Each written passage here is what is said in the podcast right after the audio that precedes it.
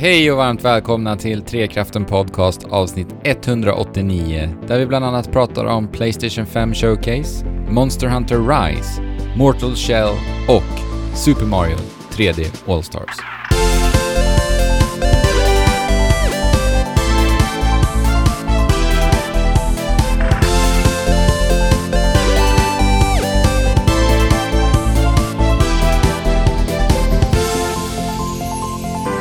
Tillbaka från yttre vildmarken har eh, Fabian och Andrew kravlat sig. Hej kompisar och vänner. Hej! Hej. Kompis. Och vän. Ni tog ju en sväng till rymden med Aron här i veckan.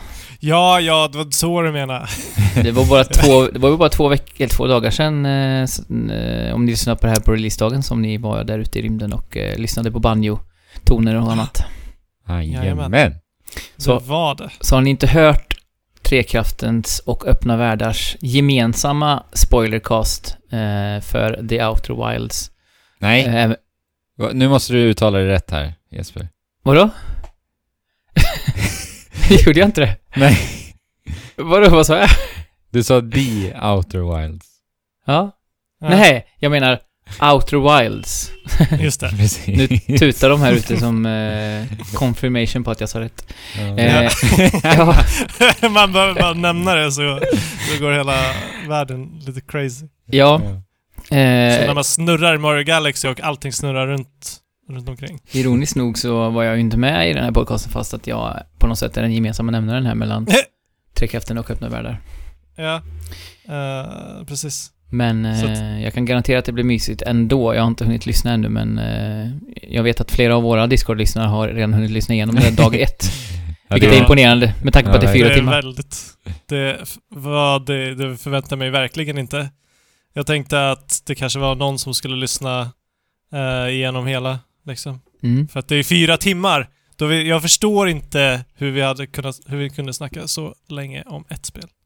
Nej, alltså, Men jag, jag, har eh, inte, det är ju... jag har inte jättesvårt att förstå med tanke på att eh, eh, det var ett spel som ni alla tre är passionerade för och Aron var med som eh, är väldigt duktig på att lägga ut texten eh, och som sagt passionerad för de saker han han eh, brinner starkt för till exempel, ja men det är ju flera rymdspel. Det är ju, vad heter det? No, No Man's Sky. Sky. No Man's Sky är ett annat den ju. liknande spel. Mm. Ja, men vad härligt. Mm. Eh, lyssna på, på spoilercasten i båda flödena så ger ni varje podcast en, en download. Precis. Ehm, Åtta timmar blir det. ja. Hur, eh, hur mår ni efter det då? Är ni lite jetlaggade? Ja, just det. Ja, men lite va? Men jag är... Lite jetlaggade, men det känns framförallt skönt att ha, ha fått, fått det, allting det vi sa från, bort från hjärtat. För att det var lite tyngande att liksom bara ha det och gå runt och tänka på det. För vi har ju planerat det här i flera, flera veckor. Mm. Eh, Samtidigt som en, som vanligt, alltid kommer på typ 39 miljarder saker i efterhand som man Ja. ville lyfta. Mm. Men så är det ju. precis. Mm, så, ja, är det. Så, hade så, var kunnat det sitta även, åtta timmar till. så var det även med vår, vår Final Fantasy 7 Remake spoilercast. Ja. Som också Ja. var väldigt lång. Kände man också att man kunde ha lyft massa saker. Men ja, härligt. Då har vi fått det ur systemet. Då får vi lite nytt in i systemet här. De, de, de här veckorna eh, har ju varit lite galna med tanke Ja. på att. Eh, då- Minst sagt. stora aktörerna liksom har bara förhalat in i det längsta med att säga någonting om sina planer och eh, plötsligt så exploderar allting här i, i mitten och slutet på september. Mhm. Och vi har mycket att prata om, både i spelväg och i vad vi ska kalla det, nyhetsväg. Eh, så vi tar och kastar oss huvudstupa in i det. Eh, det vill Mm. säga Playstation 5 Showcase, som vi fick se här för några dagar sedan. Ja. Precis. På, på en lördag utannonserade de att den här skulle sändas på onsdagen. Det var lite ovanligt. Men de Mm. Det peppade var- upp det ordentligt. Det är väl lite vilda västern nu Mhm. när det kommer till utannonseringar och grejer. Och. Och det här var väl någon slags... Eh, det här var ju mer ett eh, Gamescom eh, än vad Gamescom var, kändes det som. Ja. ja, det var det. det. E3 hade vi ju lite grann tidigare där i somras med, eh, med den här, vi fick den första stora reelen med massa olika spel som, eh, som vi pratade om då. Men det här var ju Uh, ännu lite mer i detalj, inte lika konceptuellt som det var den tidigare gången. Uh, Precis. vi fick ju se bland annat uh, Final Fantasy uh, 16 avtäckas för första gången. Ja. Uh, vad är vi- spontana känsla kring det? Eh, Min spontana känsla var så här, vad är det här? Vi har inte sett ett nytt, eh, ett nytt tillägg till Final Fantasy sedan Final Fantasy 13 och det känns som för alltid sedan. Jaha. Så att när Final Fantasy 15 kom så visste du vad det var liksom. Eh, för att det hade funnits ute mm, på, på tapeten i tio år. Så vi får se om det här också tar tio år. Men eh, det känns... De, de, de har ju verkligen börjat gå åt ett mer eh, vuxet håll. Eller alltså, Final Fantasy har ju alltid behandlat eh, viktiga och seriösa ämnen, bara det att det inte någonsin har varit så här explicit, verkar det som. Eh, känns det som att de har tittat lite på Game of Thrones liksom eh, och har lite sådana typer av intriger. Men min spontana tanke var att det här känns som att Square Enix tar sig vatten över huvudet.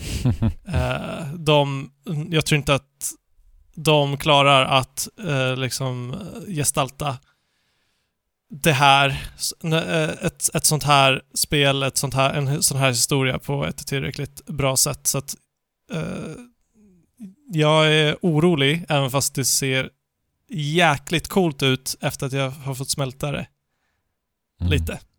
För att de går ju tillbaka också till mer liksom medeltida fantasy. Som det Ja, inte verkligen. har varit på ganska länge. Eh, så att det är riktigt nice. Mm. Och striderna ser ju riktigt actionspäckade ut alltså. De, de tar det bara mer och mer och längre och längre emot ja, det vi pratade lite om när vi pratade om Final Fantasy 7 Remake, det här Devil May Cry-eska. Ja. Och det verkar de ju bara ha Ja. tagit ytterligare ett steg nu känns det som. Det ser ju så ut, men å andra sidan så fick vi bara se små, små enskilda segment av Mm. när ett svärdslag faller liksom. Eh, ja. Ingen ingående... Men det, man såg ju en sån här typ ja, andlig hand av något slag som dök upp som påminde jättemycket om, eh, om Devil... Vad heter den nu Jesper? Eh, hjälp mig här. Devil Bringer va? Neros eh, djävulska arm. Jag tror den heter Jag minns Devil. inte, det är för många termer i Mm. mm. Devil May Cry. Ja. Eh, jag blev ju jättebesviken när jag såg den här trailern. Eh, för att jag, Final Fantasy är ju en av de serierna som liksom ligger mig varmast om hjärtat och Dels tyckte jag att det såg väldigt generiskt ut. Jag tycker inte om att de tar tillbaka till en fantasymiljö, konstigt nog, för jag kommer ju från någon slags bakgrund av en fantasy-nörd, men jag har liksom blivit så van vid att Final Fantasy är, eh, lutar mer mot sci-fi än fantasy, eller Mm. åtminstone väldigt tunga sci-fi-inslag. Och jag gillar ju det här Mm. futuristiska. Eh, och det var jag väldigt besviken över att jag inte fick se här, och sen tyckte jag att det mesta kändes lite med. Sådär, men sen i efterhand så har jag liksom hört lite mer kring det och så att det är ju en av huvudpersonerna bakom Final Fantasy 14 eh, Mm. som är med och eh, skriver story. Mhm. Eh, och det är, är ju en person ifrån Devil May Cry 5-teamet som är med Ja. och skapar striderna. Ah, okej. Så, Jaha, striderna. Ja. Okej. så det gör ju faktiskt att eh, peppen eh, steg betydligt igen, måste jag säga. Mm. För som sagt, striderna i DMC5 är ju kanonbra och eh, storyn i Final Fantasy 14 har jag ju ännu inte riktigt eh, liksom kommit in i, men det sägs ju att senare delar av, av den är liksom bland det bästa i hela serien. Så att eh, Ja. de, den kombinationen tillsammans med, som du säger, lite tillbaka till till basics ändå med, med fantasy-sättningen. Det kan, ju, det kan ju bli hur bra som helst när man sätter ihop den recept, Mm. eller den ingredienslistan. Ja, precis. Eh, det kändes bara så här over the top också eh, och så här överdramatiskt överlag. Mm. Men eh, det, det är ju bara deras första presentation liksom. Så att vi får ju se Ja. vad det blir nästa presentation. Jag har ju rätt svårt för det här med japaner som ska göra brittiska miljöer. För jag tycker alltid att de dialogerna de skriver blir alltid bara fluff. Det blir liksom aldrig någon substans, utan det blir bara massa så här eh, gammelengelska uttal. Och så staplar de Ja, dem på varandra. Konstiga namn. Mm. Ja, alltså i... Vi kommer in på Final. Hildegard. Ja, men vi kommer in på Final Fantasy 14 lite senare. Där är det ju helt bisarrt. Just, just de namnen och hur, hur de alltid pratar någon slags eh, så här eh, Englands eh, slumslang liksom. Alla gör det i vissa miljöer. Eh, de heter, de heter Ja. saker som Skyfvyd. Alltså det är inte ens påhittat. det är inte ens påhittat, de heter ju sådana namn. ja. Så, mm, nej, men vi får se. Det är som sagt, det är ju väldigt tidigt, men eh, Mm. det fick ju verkligen igång eh, snacket i alla fall. Eh, i, Det ska ju vara konsolexklusivt i PS5 också mm, vi får väl se. Microsoft kanske kliver Ja. in. Med på Köper- plånboken. Kanske det. Enix. Ja. men jag, ty- jag tycker att Bill det, Gates lämningar. Jag tycker att spelet ser mindre intressant ut och sämre ut än Final Fantasy 7 Remake. Alltså Mm. rent tekniskt också. Sen är det klart att det Jo. går säkert att, att förklara anledningar till det, men bara rent vad jag ser. Men tänker att vi får, för det ryktades som att det här skulle vara 2022 ändå, eh, 16. Tänk om, Mm. och sen får vi väl se liksom, det, är inte som att man kan ta för givet eh, när det ska släppas, men, men tänk om vi får då ett eh, FF7 Remake nästa år eller 2022 och ett 16 typ sent 2022, då är det ju FF Bonanza Deluxe och det är ju två AAA-produktioner så att eh, det kan bli ett härligt år eh, Mm. att se fram emot. Det är, inte Mellan kva, det är inte kvadrupel A då? Har ni hört att det här har börjat slängas runt? Nej, har det? Det är så löjligt. Microsoft building a quadruple A studio. ja, okej. jag, jag tycker att vi inte sprider den. Nej, Det, vi nämner det, det aldrig räcker med igen. 3, 3A, 2A, Ja. 1A. Ja, men anna- annars var det ju ganska mycket av eh, det vi redan hade sett eh, under eh, det här showcaset. Ratchet and Clank fick vi se mer av. Mm. Nej. Samma. Fick vi inte det? Ratchet, nej, Ratchet and Clank var inte med. Nej, det här var ju... Nej. Du blandar ihop detta med Gamescom. Ja, precis. Nej, men som sagt, mer av saker vi har Miles sett. Morales fick vi se Mm. lite. Ja, jag såg en jättefin video, har ni sett den, av en tjej som reagerar på att... eh, det var väl... Var det costaricanska flaggan, eller puertoricanska?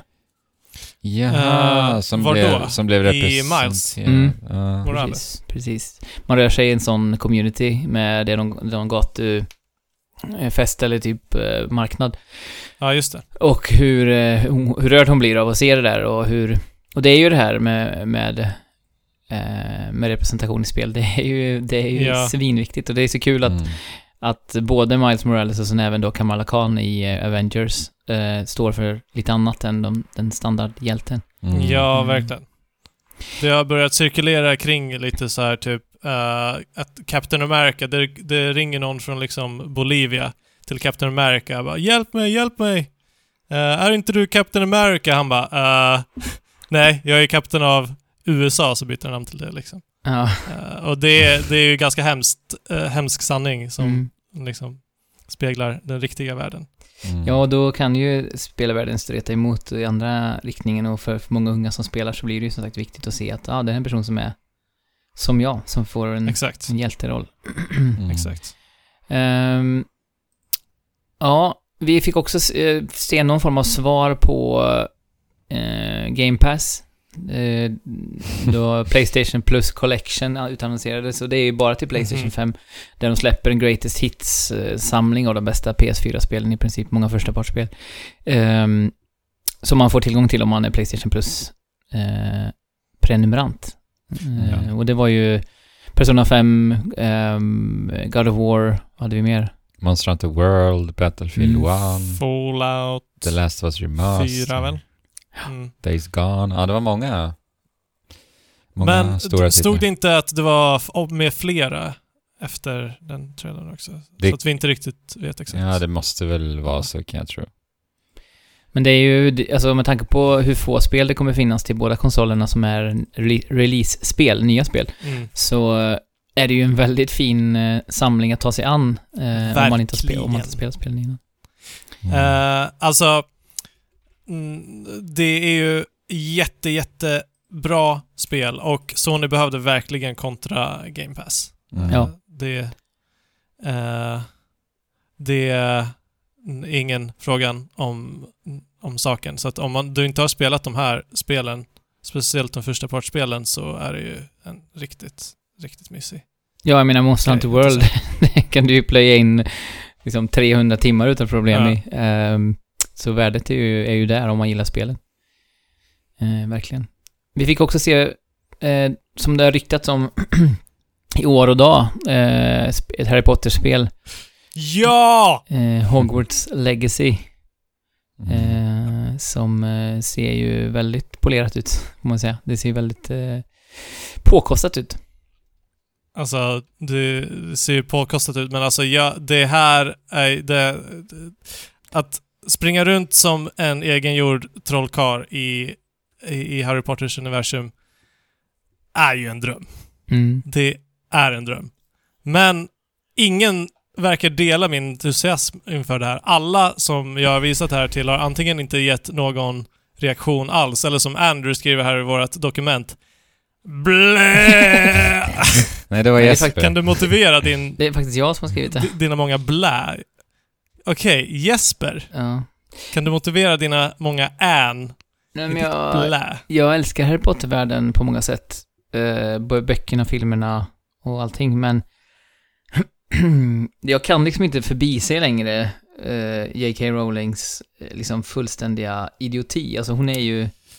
Ja. Det är sant. hon, hon är ju liksom dum inuti hela huvudet, som man skulle sagt i, i vissa sammanhang. Och det säger, jag inte, det säger jag inte lightly om folk, men Nej. hon är ju, hon är ju liksom en full-fledged transfob som bara har, alltså hon bara matar ut det budskapet eh, Ja. på sin Twitter, bland annat. Eh, och det är så svårt för att det görs inte speciellt mycket Harry Potter-grejer som inte är eh, tight knutna till, eh, till henne liksom, och, och företaget. Nej. För jag menar, vi har ju nästan inte sett några Harry Potter-spel tidigare, inte, det har väl funnits något kanske. Ja, det finns ju Lego Harry Potter och så. Mm. Och då blir jag så här, det- det ligger så nära henne, så jag, jag, jag liksom, jag vill verkligen peppa på det här spelet. Jag vill verkligen eh, uppleva det här och springa runt i den här världen, men jag vet inte, all liksom entusiasm bara sugs ur mig som ett, ett svart hål för att jag tänker på, Mm. på hur hon Nej, är. jag fattar. Och det är alltså, så... jag hade ju, jag hade ju förträngt det du, det du säger nu. Eh, och det är ju Ja, jag inte Så, sticka jag- hål på din riktigt ballong liksom. jäkla tråkigt. Jag tänker bara på utvecklarna också. Det måste ju... Det måste vara sjukt jobbigt att... För så här, de som har utvecklat det här spelet har ju självklart jobbat super, super hårt med det här Ja. spelet. Och sen har J.K. Rowling som bara total förstör eh, IP som de jobbar med liksom. Mm. Ut, ut, Men- ut bortom deras kontroll fullständigt. Vet vi hur mycket hon är involverad Tydligen i inte detta? Mycket. De sa väl det, alltså de skrev det eh, i första pressmeddelandet att hon var inte involverad, eller de skrev typ så här eh, det baserade på hennes eh, fantastiska, rika verk ungefär, fast hon själv har inte varit involverad aktivt i produktionen, bara för att liksom förmodligen... Ja, men Sen så har här, de tagit bort den biten i nästa text tydligen, så att det är väl lite... Men det är väl självklart att hon kommer ha sista ordet i allt. Så är det Mm. ju. Jag tänker så här. Det hade varit ett snyggt eh, liksom 'fuck you' JK att de eh, i eh, karaktärsskaparen inför en könsneutral Ja. skapare där. För det här är ju Ja. ett spel som handlar om att vara dig Precis. själv som Mm. en trollkarl. Och Precis. men hade det förslaget tagits upp så kan jag ju tänka mig att JK ändå är där och säger bara nej. Nej, nej, nej. Mm. Så att vi får väl se. Det hade ju varit eh, någonting för dem Ja, ändå att ta fram. precis. Ja, där hade de ju en chans att, att eh, st- stå upp för... Ja. Ja, jag tycker det är som svårt för det är, så här, det är ju liksom så här, eh, eftersom jag inte har liksom vänner, kollegor som är transpersoner så blir det så här Ja. svårt att, att vara så här, ja men okej, man får skilja på verket och, och, Ja. och, och kreatören kan man ju säga ibland liksom. Och det, kan, det funkar ju i vissa sammanhang, men här känner jag lite för min del att jag, jag klarar inte av att göra den gränsdragningen här för att det, det, liksom svärtar ner för mycket, men det är ju each to their own. Det är, ju- man kan ju inte kräva, kräva det av någon, men, men så känner jag i alla fall. ja, alltså jag är med på dig Jesper. Jag jobbar ju också på ett företag som jobbar så sjukt mycket med de här frågorna också nu. Mm. Mm. Så att för mig blir det extra mycket nu när jag faktiskt jobbar så himla nära med de här typen av frågorna också. Så att, Ja. Men karaktärerna i Toka Boca-spelen, många av dem är ju designade, alltså har ju varit länge designade för att inte, att kön spelar ingen roll liksom. Det är Nej. en karaktär med vissa karaktärsdrag och det är där man fokuserar på, inte vilket könsorgan den här karaktären skulle ha Precis. liksom. exakt. Nej, precis. Mm. Mm. Men vi får se, Ja. vi får väl Och det- brottas lite ja. med detta. Mm. Eh, kanske, kanske vi kan eh, mm, komma undan att sponsra henne. För att det är ju det är trots allt Avalanche som har spelat, som utvecklar det här spelet, som är då, ja, svenskar. Nej, det är andra Avalanche. Eh, Ja, visst är det det. Mm. Är det? Jaha! Det är så förvirrande Ja. att det finns två. Jaha, okej. Mm. Eh, så att, ja. Nej, jag vet inte. Vi... Som sagt, kan man, ska, kan man skapa en person som, Ja, okej. som står, går emot uh, J.K. Rowlings övertygelse så kanske man kan spela spelet i, i spite mot henne, jag vet inte men... Mm. Vi får väl Jag, se. jag tog bort Hogwarts le- Legacy från vårt körschema här nu, så kan vi gå. Ja. Precis. Ja, vi rör oss till, eh, eh, från ett mörker till ett annat. eh, eh, en demonisk själ till en annan. Demon Souls har ju nu då bekräftats vara en release-titel till Playstation 5. Det, det kanske är värt eh, entrépengen om man säger så. Alltså jag gråter av lycka och av förkrossat hjärta samtidigt. För att jag har ju inte lyckats boka den här jäkla konsolen alltså. Mm. Det har ju varit omöjligt för Ja, alla som försöker. ja. Det, det är bara, jag får, får svä- svälja det att jag kommer inte att ha en Playstation 5 på släppdatumet. Trekraften Podcast kommer inte att prata om Playstation 5 när den lanseras. Det är, ja, det är sorgligt alltså, men, men så är det. Det är ju det. Men så småningom så ska det ju snackas om det.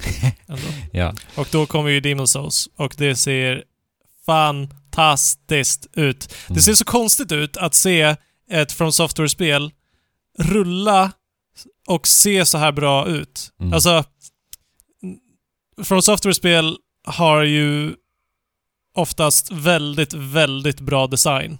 Mm. Men oftast inte jättebra grafik. Nej. Medan här, Bluepoint gör spel med väldigt, väldigt bra grafik. Ja, det är ju deras Så det fokus. ser- Det ser jätte... Alltså, jag, jag tycker att det blir lite så här dissonansaktigt att se det här på ett bra sätt. Mm. Eh, så att då kanske det inte heter dissonans, men... eh, jag menar, det ser typ ut som att det är för snyggt. Det ska, det ska inte kunna spelas. Det ska inte, ett spel ska inte kunna spelas så bra som ett From Software-spel spelas, som det här ser då ut att göra och förmodligen eh, gör, och se så här bra ut. Tidigare så har vi antingen haft bra grafik, men, men då har man kompromissat av någon anledning på, på um, rörelseschemat och så vidare. Ja, är... Eh, eller så har vi fått eh, lite sämre grafik eh, och, och responsiv kontroll liksom. Mm. Här får vi båda, båda två och det är fantastiskt. Ja, jag, jag är så peppad på det här spelet alltså. Jag Jag kan se det på din TV. Ja. Jag vet att jag tjatar lite mycket om din TV, men din TV är helt amazing. Men det kanske är någon form av, eh, av deal de har gjort med en demon då. Som gör att det går både att få den här grafiken och den här förmodade gameplay. Att det Ja, måste ju vara så, det. eftersom att ingen annan har gjort det tidigare. Så det kommer, eh, vad heter han? eh, Han heter sam... Hidetaka Ja, Miyazaki. precis. Miyazaki kommer eh, synas här framåt vintern med, eh, som bara ett utbränt skal med röda ögon och då vet man att... Men alltså, Deal hörni, with the devil. det slog mig lite när jag såg den här eh, spelsekvenserna vi fick se från Demons Souls att eh, det är ganska svåra spel att eh, dema på det här sättet. För att typ Mm. när jag tittar på den här sekvenserna, då är det så här, varför i helvete går det inte att utforska varenda jädra eh, vinkel och vrå här? Det är ju så vi spelar från software-spel. Vi, Ja. ska, vi ska inte bara springa förbi allt. Jag vill, Nej, jag vill ju att personen som spelar ska gå runt hörnet där och leta efter Ja. hemligheter liksom. Men, Eh, ja. precis.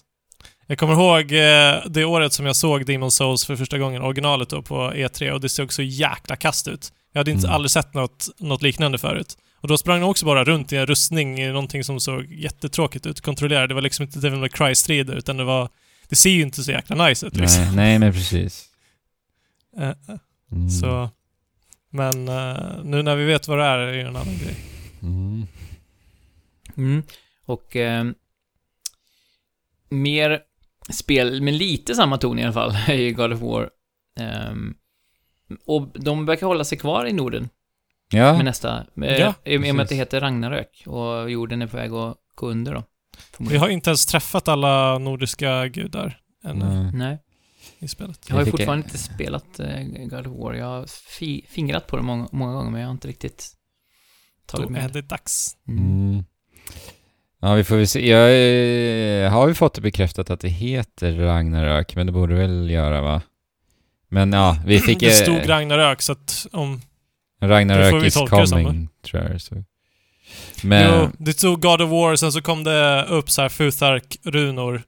eh, Mm. där det stod Ragnarök. Ja, okej. Mm. I Precis. Omega. Stod det. Ragnarok eller?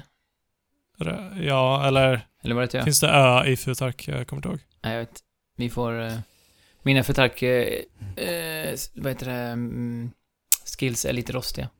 Mm. Ja, vi fick en tease i form av en text i alla fall. Ja. och det... Det betyder ju att vi kan snacka hur länge som helst om det. ja. Ja, jag, jag blev faktiskt inte alls så här. alltså för mig var det bara en otrolig axelryckning när jag såg den här teasern alltså. Och det är ändå God of War. Ni, ni vet ju, ni som lyssnar och ni, hur mycket jag älskade God of War 2018. Men det, här, det här ger mig absolut ingenting. För att jag visste såklart att det skulle komma. Att det skulle komma... Ja. Ja. Det är roligt när folk reagerar så här. Wow! Ett Ja. nytt God of War, oh my god! Mm. ja men typ Metroid Prime Men- 4, som vi har pratat om, där jag faktiskt blev väldigt glad. Det är en helt annan sak. En Ja, helt annan sak. ju. När man inte vet att det ska komma. Vi, alltså, Mm. Det var ju två år 1 sedan. slutade ju en cliffhanger liksom. Ja, och det var två år sedan dessutom. Det var inte 15 år sedan, eller vad? Nej, Ja. exakt. Exakt. Men, eh, mm. Ja. Och sen så nöjde sig inte de japanska spelföretagen med att eh, ge oss ett showcase, utan vi fick två. Eh, Nintendo gav oss en sån här Partner Direct Mini. Ja, och då tänker och vi, jaha, ja ja. Ja. jag, jag var bara så här, okej, okay, får väl titta på det innan jag går och lägger mig typ. Inte... Det kommer vara uh, mysiga spel liksom att se. Mm. Ja, Och det var det väl? ja herregud alltså. Det, Definitivt. det, var, det var inte bara ett Capcom-spel, utan det var två Capcom-spel och det ena eh, var ett Monster Hunter ett helt nytt Monster Hunter, som heter Monster Hunter Rise. Som, Alltså- verkar vara, som verkar vara, istället för att de försöker klämma in ett Monster Hunter World på switchen så har de utvecklat ett specifikt för switchen som på något Ja. sätt är lite av en blandning mellan gamla och nya Ja. Monster Hunter. Ja! Alltså det... Så eh, bra! De gör allt jag vill med det här spelet, än så länge. Ska sägas. Kör? Fabian, jag, du var taggad på... Movement. Alltså, det, det, vi, dels har vi Mount som gör att vi kan röra oss mycket smidigare och det är öppna världarna från Monster Hunter World. Eh, och de, de fokuserar väldigt mycket på, eh, på vertikalitet. Eh, och... Hallå, du får ja, ju vad är det inte... mer? Fabian, du kan ju inte trivialisera mount, ja, mounts, nej! mountsen. Sen har vi en mekanik som heter... Wirebug. Vad heter den? Wirebug. Ja. Som är som en hookshot som du kan skjuta var som helst. ja.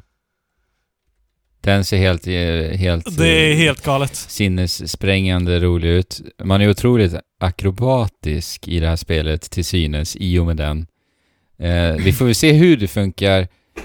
Om, när man tittar på spelsekvenserna så tror jag ju inte att du kommer kunna så här använda den här wirebuggen oändligt, utan det lär väl vara Nej, det begränsat. verkar vara begränsat. Precis, och sen så ser man ju sådana här wirebugs lite varstans i världen också. Precis. Och jag kan väl tänka mig att det kommer finnas så här platser där du så här kan återfå wire, eller den här wirebug-kraften liksom i luften och så vidare för att kunna svinga sig ännu längre. Och sen så kan vi också springa på väggarna så, och klättra på väggarna. Så det är lite Ja. Breath of the Wild-eskt här. Så det är helt öppna områden som sagt från eh, Monster Hunter World, men också så lägger vi till och adderar den här akrobatiken och hur vi kan röra oss omkring i den här världen. Alltså det låter fantastiskt tycker jag. Eh, Och när jag tänker på så här att hur de skulle kunna inko- inkorporera det här med just striderna med monster. Att de monstren kanske kan så här klättra upp på stora jädra berg och så kan du liksom så får man svinga klättra efter, dem. efter dem. Ja, exakt. Ja, alltså... Uh, För att eh, spelet heter ju Rise, eh, berättar de i den, här, ja, i den här directen, för att så de, spelar lite på det här att vi ja, klättrar oss uppåt och vi, ja, vi Ja, reser oss Då uppåt. risar man ju. Ja. Och så sa de, det, mest, det, det sötaste var ju, och eh, eran entusiasm för spelet nu förhoppningsvis, att vi reser Ja. typ. De är alltid, Oh de är alltid så härligt naiva i sin ton eh, i de här eh, Ja. japanerna. Verkligen. Please be Alltså- excited. Det första jag tänkte när jag såg Monster Hunter var alltså jag orkar inte spendera hundratals timmar på ett spel igen. Men sen så tog det tre sekunder och jag bara jo, Ja. jag ser så jäkla mycket fram emot mars och förlora Ja. mitt liv i Ja, just det. Det är inte så långt kvar. Det- Nej, det är mars alltså. Det är galet. Och eh, då har kanske det här får bli, för jag naggade ju, jag nafsade ju lite på Monster Hunter Worlds multiplayer. Jag spelade ju en, en del timmar, men vi spelar ju Mm. lite grann ihop bara. Mycket mindre än vad jag hade hoppats och tänkt, men Tyvärr. det här får väl bli Ja! revanschen. Vi, Retribution. vi får lova Ja. det, kan vi inte göra det? För nu är det ju på Switch också, så då kan du ju ligga i Ja. sängen Jesper, till och med. Precis. Det är lättare för mig att spela på switchen än på tvn. Alltså, så här, ni, ni vet innan Switch släpptes så sa ju vi, alltså åtaliga gånger, Monster Hunter är den perfekta spelserien för Nintendo Switch. Mm. The time is here. Mm. Och det är tur att det inte Och bara kommer, kommer ett, ett Monster Hunter, utan två.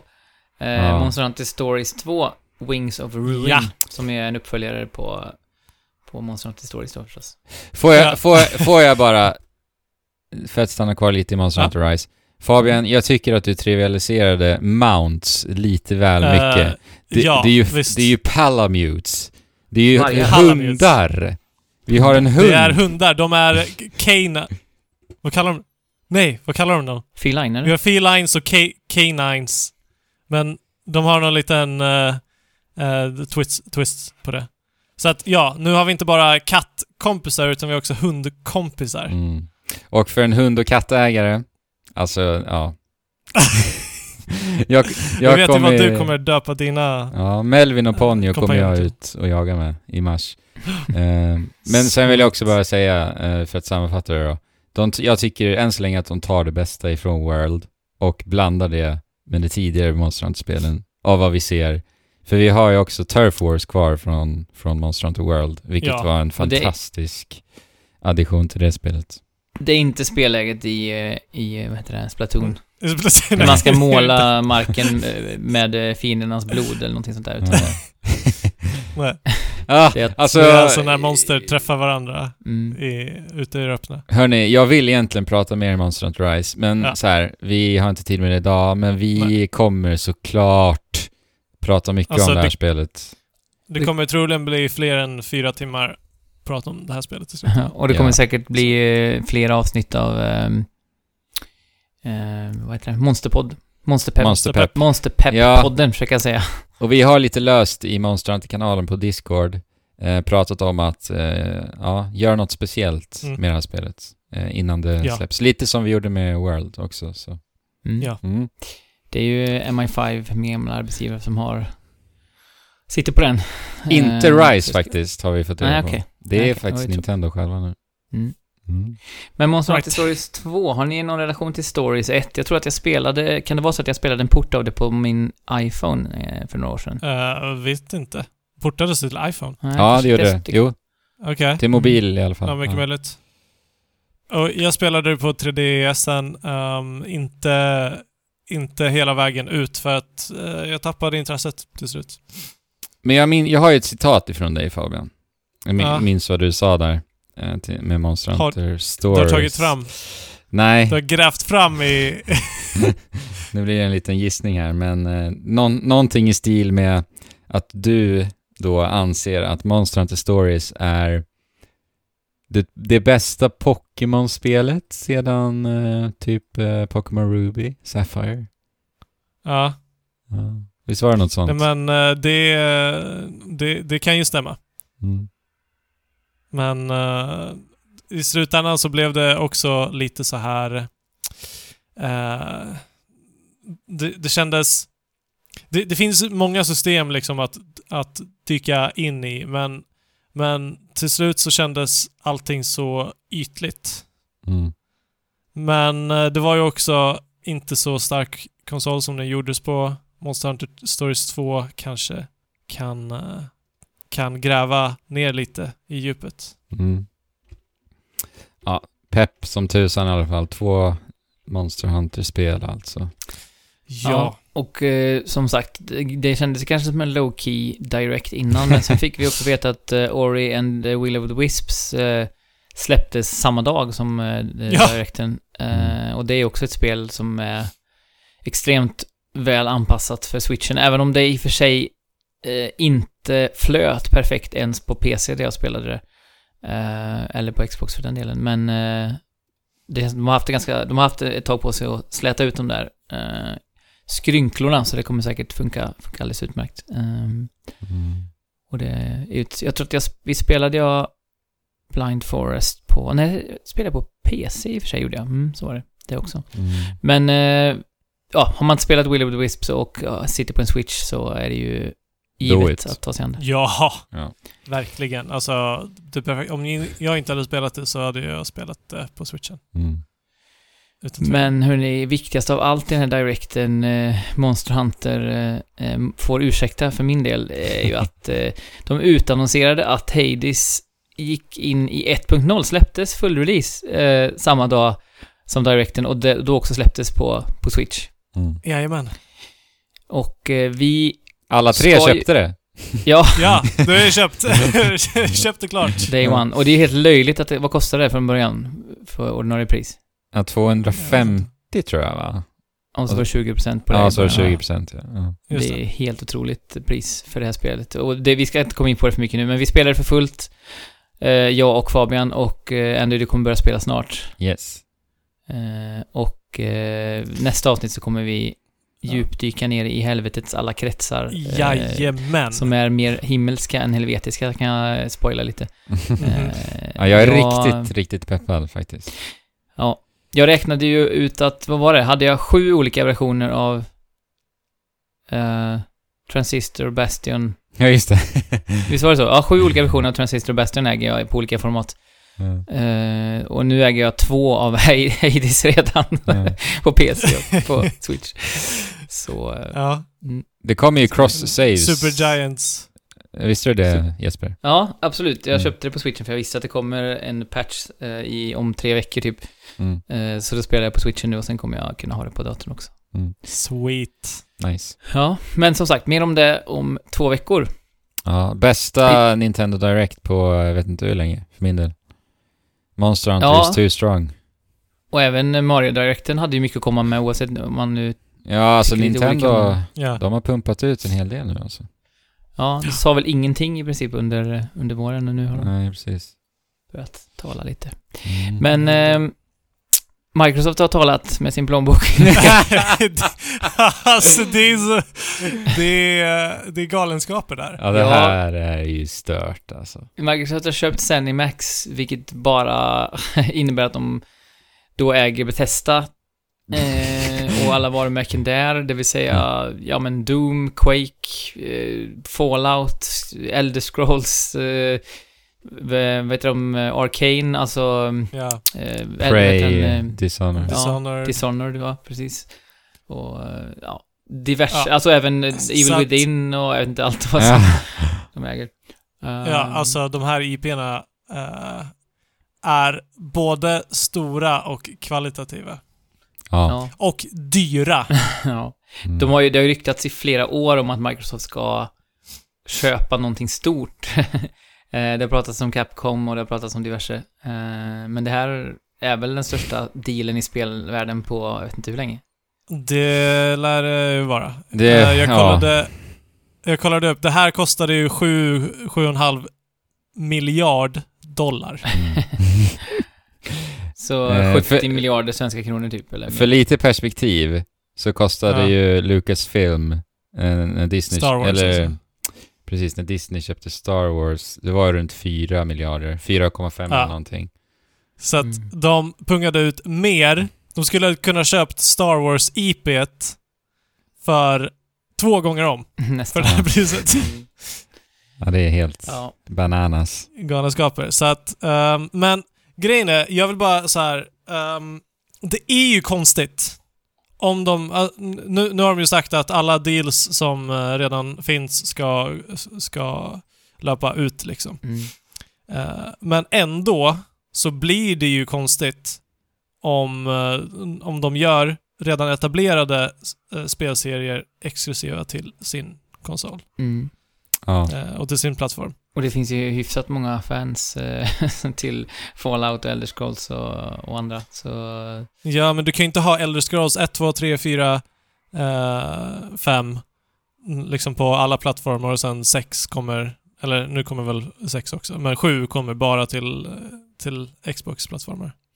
Mm. Nej, exakt. Det blir ju lite Vi weird. får väl se. De, eh, alltså det, det är mycket pengar för dem att hämta som sagt hos Playstation-användarna exempelvis. Och tittar man, Ja, tittar man på hur de har skött Minecraft så har ju det inte, in, Jo, inte gått och blivit något exklusivt. Men, men sen kommer de ju säkert ha, jag menar vi pratar ju om hur sjukligt, sjukligt, sjukligt många spelstudios, etablerade spelstudios de nu har ja. under sitt paraply här så att eh, det kommer säkert dyka upp exklusiva Xbox-titlar ifrån någon av dem. ja. Men jag har svårt att se att liksom Elder Scrolls, vad blir det, sex? Skulle bli... Sex är nästa. Jag tror, in, jag Ja. tror inte det nej, blir det, nej, jag tror inte det heller. Men, kanske att de leker med tidsexklusivitet. Det kan jag Definitivt se i alla fall. att de gör det. Men, Definitivt. Men eh, generellt sett så tycker jag ju att det är negativt att stora företag, megastora företag, köper upp andra stora företag. Eh, Mm. Jo. För att det blir ju liksom, det utarmar ju i längden. Mm. Ehm, så, så, så här instinktivt så, så är jag väl negativt inställd, men samtidigt så känns det som att Microsoft har eh, på senare år visat upp väldigt mycket, och det kanske är för att de ligger i underläge och liksom behöver, Ja, det det känns är så som att svårt. de har, de har ganska mycket goodwill nu, de har jobbat, de har ganska många initiativ som man känner att de har en ledning som verkar verkligen. ganska vettig. Ehm, Ja, och det här betyder ju också att liksom den största publiken som jag bara gissar nu, jag bara supergissar att är på PC, det kommer ju fortfarande vara Microsofts plattform Mm. på PC. Alltså min in- initiala känsla var lite så här. Alltså jag blir typ lite skraj på något sätt. Alltså för att jag är inte beredd på, på deras sjukt illsnabba progression när det kommer till Nej. till det här Game Pass-trycket. För det är ju uppenbart här att det är ju, det här är en sån stor, stor vinst för Game Pass, det de gör här. Mm. För att alla spel, utav alla de här spelstudierna vi nu har nämnt, kommer att finnas nu tillgängliga via Game Pass och deras bibliotek bakåt. Och vi vet ju att eh, Xbox jobbar med bakåtkompatibilitet, så det är Xbox, Xbox 360, Xbox One och Xbox Series-spel liksom som kommer dyka upp ifrån de här spelstyrelserna. På Game Pass! Det är så sjukt. Och, och dag ett också. När, när liksom Doom Eternal 2, eller vad nu det ska heta. Doom... eh, Ja. Ah, alltså det är så galet. Ja, de- Elder Scrolls Starfield, dag ett via Game Pass liksom. Och sen så har du på, Ja. på andra sidan eh, en Playstation 5-användare som går till, till E-giganten och ska köpa Starfield till PS5. Exakt. 70 dollar. Mm. Ja. Alltså det är... Ja, nej, alltså det är ju nästan bara att säga schackmatt. ja. schackmatt Microsoft, well played. Och jag är ju, det beror kanske lite på, på eh, faktorer som förhandsbokning och sådär också, men jag är ju rätt så inne på att min konsol till julen, till julklapp till familjen, blir en eh, Series X med eh, All Access-variant. Mm. Mm. Mycket smart. Att det det är svårt att argumentera emot som sagt. Priset är liksom eh, jättebra på konsolen från början för vad man får och framförallt då Game Pass Ultimate och sen att, att det inte finns någon eh, det finns liksom ingen kostnad som inte är kopplad till att man köper konsolen eller har Ultimate. Det finns ingen eh, liksom kreditavgift, ingen uppläggningsavgift, inga sådana saker utan det är liksom bara rakt av. Ehm, så det, det är svårt att motstå det och det är det som är lite läskigt som sagt. Att Ja. man känner att Mm. att det blir nästan för bra för att vara sant och så, Mm. och så eh, ju, återigen då, att eh, de är så aggressiva och i längden kanske, alltså konkurrensen måste ju finnas där för att det ska vara riktigt hälsosamt. Mm. Jo. Ja, det, det är det jag menar, Men- att jag, man blir skraj för den här typen av... Det här sättet de öppnar plånboken på. För att Ja, det, det ger känslor av att, men alltså vad i helvete kan Microsoft typ skapa monopol på hela spelbranschen? Eller vad är det som, vad är, Ja. vad är det som händer liksom? Och det är läskigt, om något. Mm. Det är ju läskigt. För Microsoft är ju en mycket, mycket större aktör än vad Sony är. Ja, och det är ett amerikanskt företag. Eh, Ja. Det händer mycket knasigheter där borta. Och sen, ah, vi har, eh, vet du det, eh, s- prenumerationstjänster, vi blir fasta i. Eh, Vad, hä- vad, vem vet vad regeringen sysslar med när också Då, då, jag menar, de kan utnyttja mark... Äh, nu blir jag konspiratorisk och ballar ur här, men jag, jag tycker det är läbbigt alltså. Ja, det här med data. Ja, det är ju det. Ja. Eh, Men eh, vi får se. Eh, vi- Vi eh, kommer garanterat fortsätta prata om den här dealen i många år framöver och se eh, liksom effekten av den. Mm. Eh, Det lär väl dröja så. ett tag, skulle jag tro, innan vi verkligen Precis. får se. Ja, precis. Alltså egentligen, ja. Eller vi kommer ju se subtila effekter ganska, eh, ganska snart. Men Mm. Ja, det är de stora effekterna kommer ju komma smygandes. Mm. Mm. Vi, på tal om smyga, Andrew, jag vet inte om man gör det så mycket som i Froms spel, men du har ju spelat en From-like. Ja. Eh, och- vi kanske ska hoppa in i vad vi har spelat nu, för vi har en hel del saker även här. Mm. Ja. Lätt. Andrew, du har spelat eh, Mortal Shell, det dödliga, nej, vad säger man? Jo, dödliga skalet. Fast det blir inte dödligt. Nej, Skal. Skalet i sig är inte dödligt. Ja, men- skalet är ju inte odödligt, utan det är dödligt. Mm. Nej, men Eh. du dör inte. Ja, strunt samma. Vad sa du? Strunt samma. Eh, kör vi. Ja, Nu Mortal börjar vi snacka om Mortal Shell. Jag har, spe- jag har spelat det i sin helhet. Fabian, du har spelat det väldigt mycket i alla fall. Men- Jag vet inte hur långt det är, för att, men jag har i alla fall känt på Mm. ehm, spelet. Ja, du har kommit långt. Du har ju, du har ju lyckats norpa alla utav dessa shells ju. I alla fall. Precis. Men eh, Mortal Shell är ju ett eh, From-like. Ska vi, ska vi säga att det heter From-like nu helt plötsligt? Ja, Eh, so, Souls-like. det går ju. Souls-like. Souls-like. Kanske mer bekant för lyssnarna. Men eh, precis, eh, ett Dark Souls-eskt spel. Och det är ju jätte, jätte, jättemycket ett sådant spel. Eh, Det, och det, du försöker inte sopa det under mattan liksom. Nej. Det, det är både Ja. i, i atmosfär och i upplägg, i design, i allting egentligen. Faktiskt. men det jag, det jag uppskattar är att de ändå försöker göra Mm. någonting nytt. Och även fast det... Eh, har jag rätt om jag säger att det är två personer som har utvecklat det här spelet? Oj, det tror jag inte. Eh, Eftertexterna var bra mycket längre än två personer. Okej. Ja. Då eh, har jag fått det om bakfoten. Men det är i alla fall inte jättemånga personer som Nej, det är ju har precis, det är ett indie- spelet. Team liksom. Och det speglas ju också i eh, storleken av spelet. Precis. Men de introducerar ju nya saker som eh, vi aldrig har upplevt någon gång tidigare i ett Souls-like spel. Mm.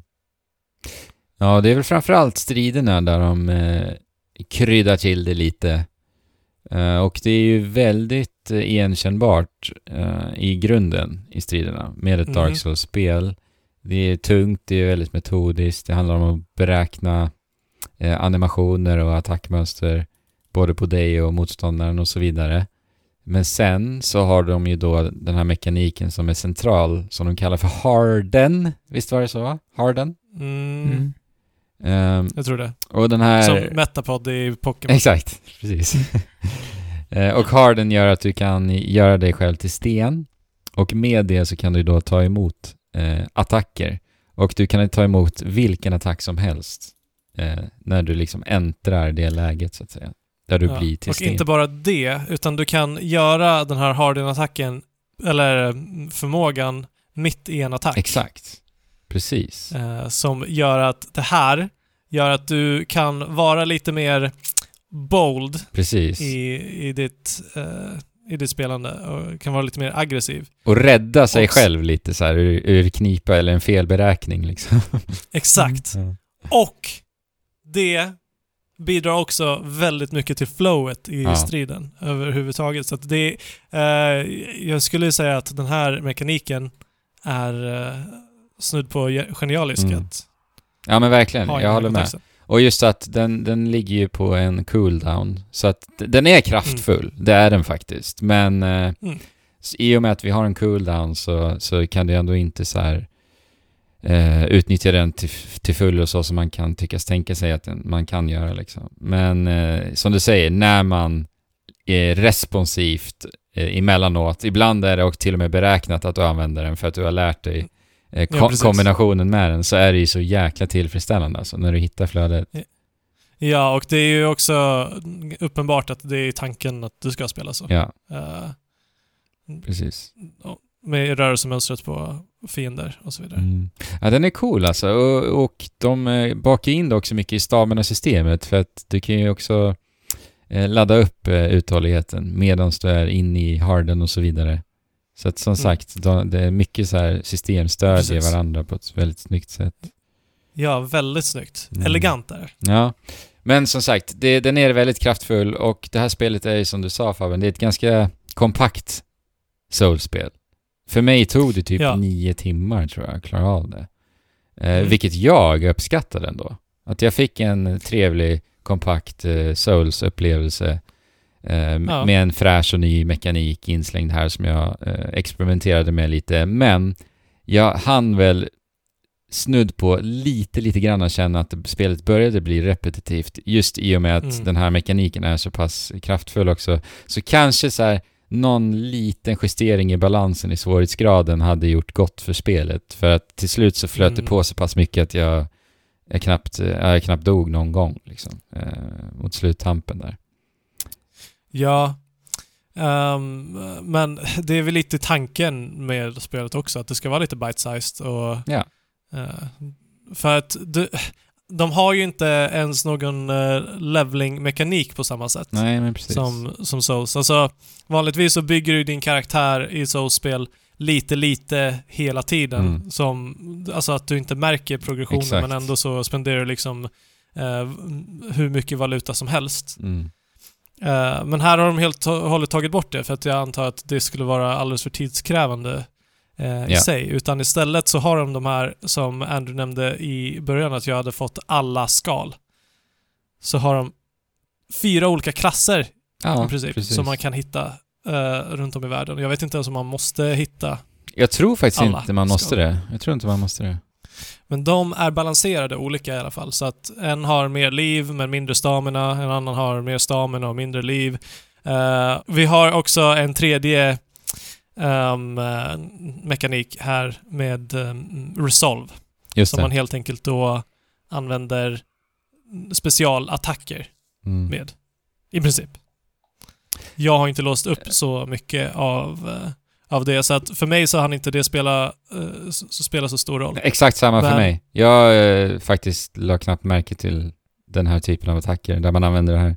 Ja, jag vet inte. Jag, tr- jag tror att jag fick en som, som liksom eh, förlänger svärdet och gör extra mycket skada. typ. Ja, jag använder en där du kan parera och göra någon form av avrättning för att återfå liv och sånt där. Men det är ju här som man får en progression på karaktären. Att Mm. du, du samlar souls, eh, precis Tar som du, när du dödar fiender. i det här spelet. Men här kallas de, vad sa du? Tar. Tar, ja.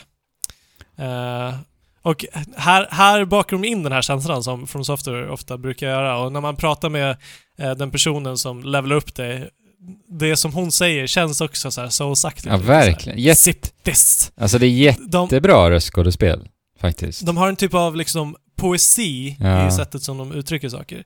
Eh, och inte bara vilken poesi som helst, utan typ lite makaber. Ja, men precis.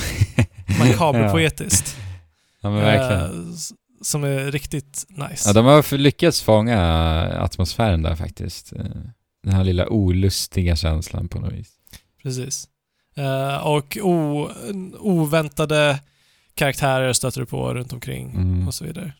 Hur pass väl liksom står det upp mot stämning och, och världsbyggande i ett eh, Souls-spel? Det känns ju lite B om du jämför med Ja. Bloodborne. Liksom. Speciellt nivådesignen, där är den absolut Ja. största Ja, distinktionen verkligen. faktiskt. Den är väl inte på topp. Eh, Där har de tagit lite genvägar genom att introducera genvägar. Ja, som är Eh, extremt att- tydligt eh, utmarkerade. Eh, Ja, och istället för att liksom mästerfullt bygga ihop de här kartorna så, så connectar de bara små kryphål mm. från ett ställe till Det ett blir annat. eh, lätt att virra bort sig faktiskt, kände jag. Ja, verligen. Det, det har inte... Jag vet inte, speciellt i första och andra Ja, området. Exakt. Där allting ser likadant ut. Ja, eh, mer eller mindre.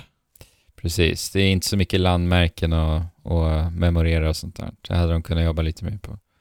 Men sen tycker jag också, eh, för hela spelet är uppbyggt i att du ber dig till en hubb och sen så ska du hitta tre olika föremål på tre olika platser i den här världen. Och när du erhåller ett sånt här föremål så behöver du liksom navigera dig ganska långt in i den här nya platsen. Men sen när du har erhållit den så, ska du backtracka tillbaka hela vägen. Mm. Och den typen av backtracking i det här spelet tyckte jag inte om alltså. Det kändes bara... Alltså att man bara ska tillbaka. Ja, Eh, inte att göra någonting speciellt. precis. Och de hade ju, det var typ några fiender som kanske förändrades någon gång. Men det kändes verkligen bara som transportsträcka. Och det är där jag menar lite Mm. med nivådesignen, att de inte har lyckats få eh, tillbaka vägen snyggt inkorporerad. Eh, är väl lite missad potential där också. Mm, Men ja, verkligen. Men, jag gillar systemet som de har, speciellt i den här världen där allting eh, är lite farligt och eh, makabert. Att föremålen som du hittar vet du ingenting om förrän du testar dem. exakt. Det, det, det är mekanik som jag verkligen uppskattade för stämningens skull framför allt. Att så här, du hittar någonting som verkar jättekonstigt. Eh, så testar du vad du gör och det kan ha liksom vilken effekt som helst. Mm. Men sen måste du använda föremål eh, upprepade gånger för att eh, lära dig mer om den, kanske låsa upp eh, en sekundär effekt och så vidare. Precis. Men jag håller med, jag gillar den Och också. det gillar det. Det känns lite... Det blir lite så här... eh, eh, det, det ger dels ett incitament till att testa allting som du hittar. Ja. Eh, och dels så är det sp- spänningsfyllt, Ja, men precis. Och det blir som nästan till och med lite av en belöning att bara eh, plocka upp så här små, ja, nästan triviala föremål. Ja. Va, men nu, nu, jag vet ju att jag kommer liksom på ett sätt och vis progressera liksom av att plocka upp Precis. den här. Så jag håller med, Ja. jag gillar det också. Ja. Ja. Ett, eh, Jag har väl inte mycket mer att säga en, eh, eh, en, en liten eh, light-variant av ett soulspel eh, Mm. som kan vara värt att spela om man älskar den genren. Jag tycker det. Gillar, Mm. gillar du Verkligen. Souls så tycker jag det är definitivt en rekommendation då. Håller med. Fint. Och om eh, Mortal Shell är, eh, tar sin inspiration ifrån eh, Souls-like-spelen så gör väl Windbound Fabian det ifrån Zelda, ett par Zelda-spel. Ja, eller det, det verkar ju definitivt så på förhand och om du bara tittar på det. Eh, det verkar ju vara Wind Waker. Uh, Mm. Cell-shadat och så här. Och det är det i mångt och mycket, men det skiljer sig också väldigt mycket. Mm. Vad är Windbound för spel? Det känns som det är en doldis. Uh, Windbound är ett mm, survival mm, roguelite-spel Mm. ehm, som utspelar sig på det öppna havet. Mm. Eh, och det, det är uppbyggt med jättefin och färgglad grafik och stil. Stiliserat. Och alltså jag förväntar mig när jag börjar spela det här spelet att det skulle vara ett survival-spel liksom. Jag gillar survival-spel. Att du börjar med ingenting och du eh, hittar saker som du kombinerar till andra saker och så vidare. Mm. Och det är exakt vad det här är. Och sen likt som det är i Wind Waker så eh, tar det från ö till ö. Och de här öarna har olika liksom biom, de har olika eh, material naturligtvis och olika fiender och så. Så att det är lite, lite combat-fokuserat men mest är det crafting-fokuserat. För du craftar allting från eh, liksom eld, eller du, du har en mm, hälsomätare i vanlig ordning och så har du en stamina-mätare som också sekundärt fungerar som en hung hungermätare. Aha. Och du märker väldigt snabbt att den här hungermätaren dräneras ganska fort. Eh, och att du måste hitta mat då att äta. För att ehm, det är ungefär som att, det är ungefär som i Dark Souls. När du blir hollow Mm. så, så förlorar du hälften av ditt liv liksom. Och kan inte återfå det. Om du tänker mätaren så. Mm. Eh, ju mer hungrig du är, desto mer dräneras din max eh, stamina. Helt enkelt. Men så att det handlar helt enkelt mest om att eh, samla på sig material, bygga båtar och progressera och naturligtvis hit, hitta information om hemligheten som det här havet håller gömt. Men är det slumpmässigt genererat eh, då? Det är slumpmässigt genererat. Eller det, det är pro proceduellt Ah. genererat. Hur Det upplever börjar du... med att våran protagonist ehm, är typ i en storm och sen så eh, dras hon ner och sen så vet vi inte alls vad som händer. Och här, olikt många andra survival-spel jag har spelat eh, och även roguelite-spel så berättas en historia allt som att du pro- Mm, progresserar. okej. Och de gör det ganska snyggt. För att det är, det är väldigt lite som är in your face. Den, tex- den text som kommer upp är lite så kryptisk och också lite poetisk liksom. Mm. Eh, och mycket berättas i bilder som, eh, som jag i slutändan tyckte var väldigt mysig att följa. Mm. Eh, och de arbetar också, alltså det här är ett väldigt estetiskt spel. Även om det är liksom, det är en liten studio som har gjort det här och det är inte eh, de allra högsta produktionsvärdena, men det är mycket hjärta i det. Eh, och det är, det är framförallt mycket bra idéer i det. Det är till exempel, när du kommer till de här olika öarna så, eh, så uttrycks de eh, monster som finns runt omkring i eh, musik. Så att så här, om du...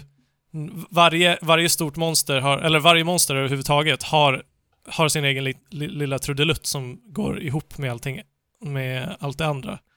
Eh, som gör det riktigt, riktigt nice. Och dessutom så här så blir det eh, lite mer spännande när du hör Mm. liksom en melodi där djupt inne bland träden och du vet inte riktigt vad det, vad det är liksom. Och fightingen är bra. Jag har, jag har sett folk som tycker att den är eh, urkass. Men det är lätt att dö. Mm. Eh, men du, du kör liksom uh, Z-targeting som, som i många Zelda-spel. Zelda. Mm. Och så får du evada och liksom lära dig väldigt simpla mönster från, från de här monstren som du möter på, Mm. oftast. eh, För att kunna bemästra dem. Och då får du unikt material som du kan bygga vidare på. Och det är just, alltså craftingen har jag väldigt mycket att kritisera på för att det finns eh, liksom UI't för craftingen är undermålig. Det hade kunnat vara så mycket bättre, men knapparna som de har bindat är jättekonstiga och UI't är bara eh, plottrigt och mm, man ser inte alls hur det är. Mm. Men genom hela min genomspelningen av Windbound så, eh, så var det en upptäcktsfärd. Verkligen, på riktigt. För jag lärde mig mer om liksom själva crafting-systemet eh, hela tiden som gjorde att jag kunde progressera mer och bättre och komma längre och, eh, och mer effektivt och så vidare. Mm. För en stor mekanik i det här är naturligtvis seglingen. Seglingen är inte som i Wind Waker överhuvudtaget, där det är väldigt, väldigt skriptat exakt vad som händer. Knapptryck Alltså, egentligen. Ett knapptryck och sen så om du har vinden emot dig så åker du ingenstans, om du har vinden med dig så Ja. liksom får du en konstant fart åt det hållet och så Mm. vidare. Här är det lite mer fysikbaserat. Och i början så, så tyckte jag att det här var typ det, bland det sämsta jag någonsin eh, har spelat. Eh, inte, inte riktigt så dåligt, men riktigt, riktigt frustrerande var det. Mm. Och min båt åkte upp och ner och jag var tvungen att eh, liksom åka tillbaka. Jag kände mig verkligen som, som Vajana, eller Moana, eller vad hon nu heter här i Sverige. Just. När hon eh, ska åka ut där från första gången, Disney. Eh, Sp- Disney- spelade du det där ledmotivet? Någon gång. i huvudet hela tiden. speciellt, när jag, speciellt när jag misslyckades med, med att segla. It comes to me. Så bra alltså. En fantastisk film och Så fantastisk jäkla musik. bra. Alltså Ja, så Jesper, att, alltså, det, Jesper, det där är ju för mig Fabians absoluta favoritlåt i hela världen. den är ju så han, nice. när vi bodde ihop så hörde jag honom sjunga på den konstant. Ja, men den är fantastisk. Vi lyssnar på den också här hemma hela tiden. Ja, den är fantastisk. Eh, Den rör upp mycket Mm. inombords. Eh, Kanske därför du. Och jag... därför du jag- finner dig positiv till det här spelet. Nej men alltså, det är, ju- låten, låten representerar så mycket av att liksom leva sitt liv och utforska det, det okända Mm. och så vidare. Ehm, och, och som sagt, det är verkligen en inlärningsprocess. Och med det sagt så, när du har lärt dig hur liksom vinden, eh, vinden interagerar med ditt segel och hur, hur du ska ställa in ditt segel och hur du ska utnyttja vågorna för att liksom surfa på dem och du får till det där, då känns det så ri- riktigt jäkla bra. Coolt. Vilket, alltså, för det... I början, som sagt, om du gör fel så kommer det kännas jättewonky. Det kommer, det kommer kännas som att du, du har en, ett fysik, en fysikmotor som, som liksom inte, inte fattar någonting. Mm. Allting bara känns så okonsistent och så vidare. Men som sagt, när du lär dig få det här flowet så känns det verkligen som att surfa. Och du liksom måste konstant manövrera, till skillnad från i Wind Waker som det liksom bara blir transportsträckor, så är det en aktiv process i det här spelet att, att segla. Ehm, och dessutom, så du kan, du kan välja att spela på survival mode eller story mode gissar jag. Jag spelade på survival mode eh, och det innebär att du dör när du dör och får börja om från början. Mm, just det. Eh, Vad är det som blir, eh, som stannar kvar? Du hittar typ kristaller längs med vägen som du mellan varje kapitel kan, eh, kan betala, köpa liksom permanenta förmågor med. Till exempel ett spjut som aldrig går sönder. Eller Eh, en sån här, eh, vad heter det? Som man flyger med. Som ser ut att vara typ exakt hämtad ifrån eh, Breath of the Det- Wild. Jajamän, det kan, man, det kan du crafta när du Mm. väl får materialen. Och den är inte så användbar och jag tror att den mest är ett liksom eh, Easter egg. Mm. Även fast den är skön att ha om du har klättrat upp på ett högt berg och snabbt vill ta dig ner liksom. Jag måste säga, jag sitter, jag har tittat på gameplay under hela tiden och pratat nu och nu seglade hon, eh, solen gick ner, det börjar bli mörkt över havet och så plötsligt bakom molnen så stiger månen upp. Det, och det är ju inte, alltså upplösningsmässigt eh, och så, så är det ju inte fantastiskt, men den vyn som då framträdde när hon seglade på det här mörka havet och molnen steg upp, den var ju verkligen ja, nästan rysningsframkallande. Jag tyckte det var jättefint. Och nu Mm. springer hon upp i någon så här dödskallegrotta mitt i havet. Det ser ju verkligen stämningsfullt ut. Jo men som sagt, det är ett eh, estetiskt spel som inte har världens eh, största budget. Sen, Nej, precis. Det ser inte så polerat ut, men det ser, som du sa, det ser ut att ha väldigt mycket... Eh, att, att, att de har brunnit för att skapa det här spelet, de som har byggt det. Det känns verkligen bara genom att titta på, eh, titta på lite gameplay. Precis, och det gör det, gör det, eh, det det behöver göra i slutändan. Men sen så, rent spelmässigt så går det från kapitel till kapitel där saker och ting mer eller mindre återupprepar sig och du ser väldigt snabbt eh, det exakta mönstret som Mm. hela spelet eh, består av. Sen, sen så vet jag, för att jag, jag spelade ut det här spelet tills jag såg eftertexterna liksom. Hur långt? Eh, och ja, det var väl kanske inte mer än åtta timmar Mm. max, right. tror jag. Men då ska jag säga så att jag inte dog en enda gång på min genomspelning, så att jag Mm. Gick tillbaka och dog bara för att se vad som skulle Aha, hända. det. Men det var nära många gånger och det gör ju, det gör ju också att man så här, jag vill verkligen inte dö och jag har det här stora monstret som, eh, Mm. som håller på att äta upp mig och jag håller på att svälta liksom. Sådana tillfällen uppstod. Men, men alltså som i slutändan så, så var det fint. Mm. Ett väldigt fint spel. Coolt ju. Och Ändå imponerande att de har lyckats få till seglingen så bra. Ändå. ja, alltså jag vet inte om det är av, eh, av slump. Eller om de... För att alltså, det är lite wonky. S- Ditt skepp... Ditt skepp, ditt skepp kan, vad heter det, capsiza. Ehm, och det ser ju inte så bra ut när, när, när både din karaktär och ditt skepp liksom så här Mm. eh, nästan dras ut till, tillbaka till ursprungsläget för att det är det enda lösningen de har hittat. Liksom, Ja. eh, gissar jag. Så att...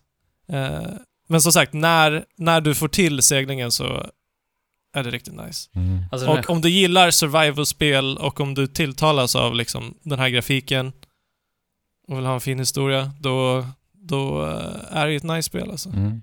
Men det kostar 300 kronor.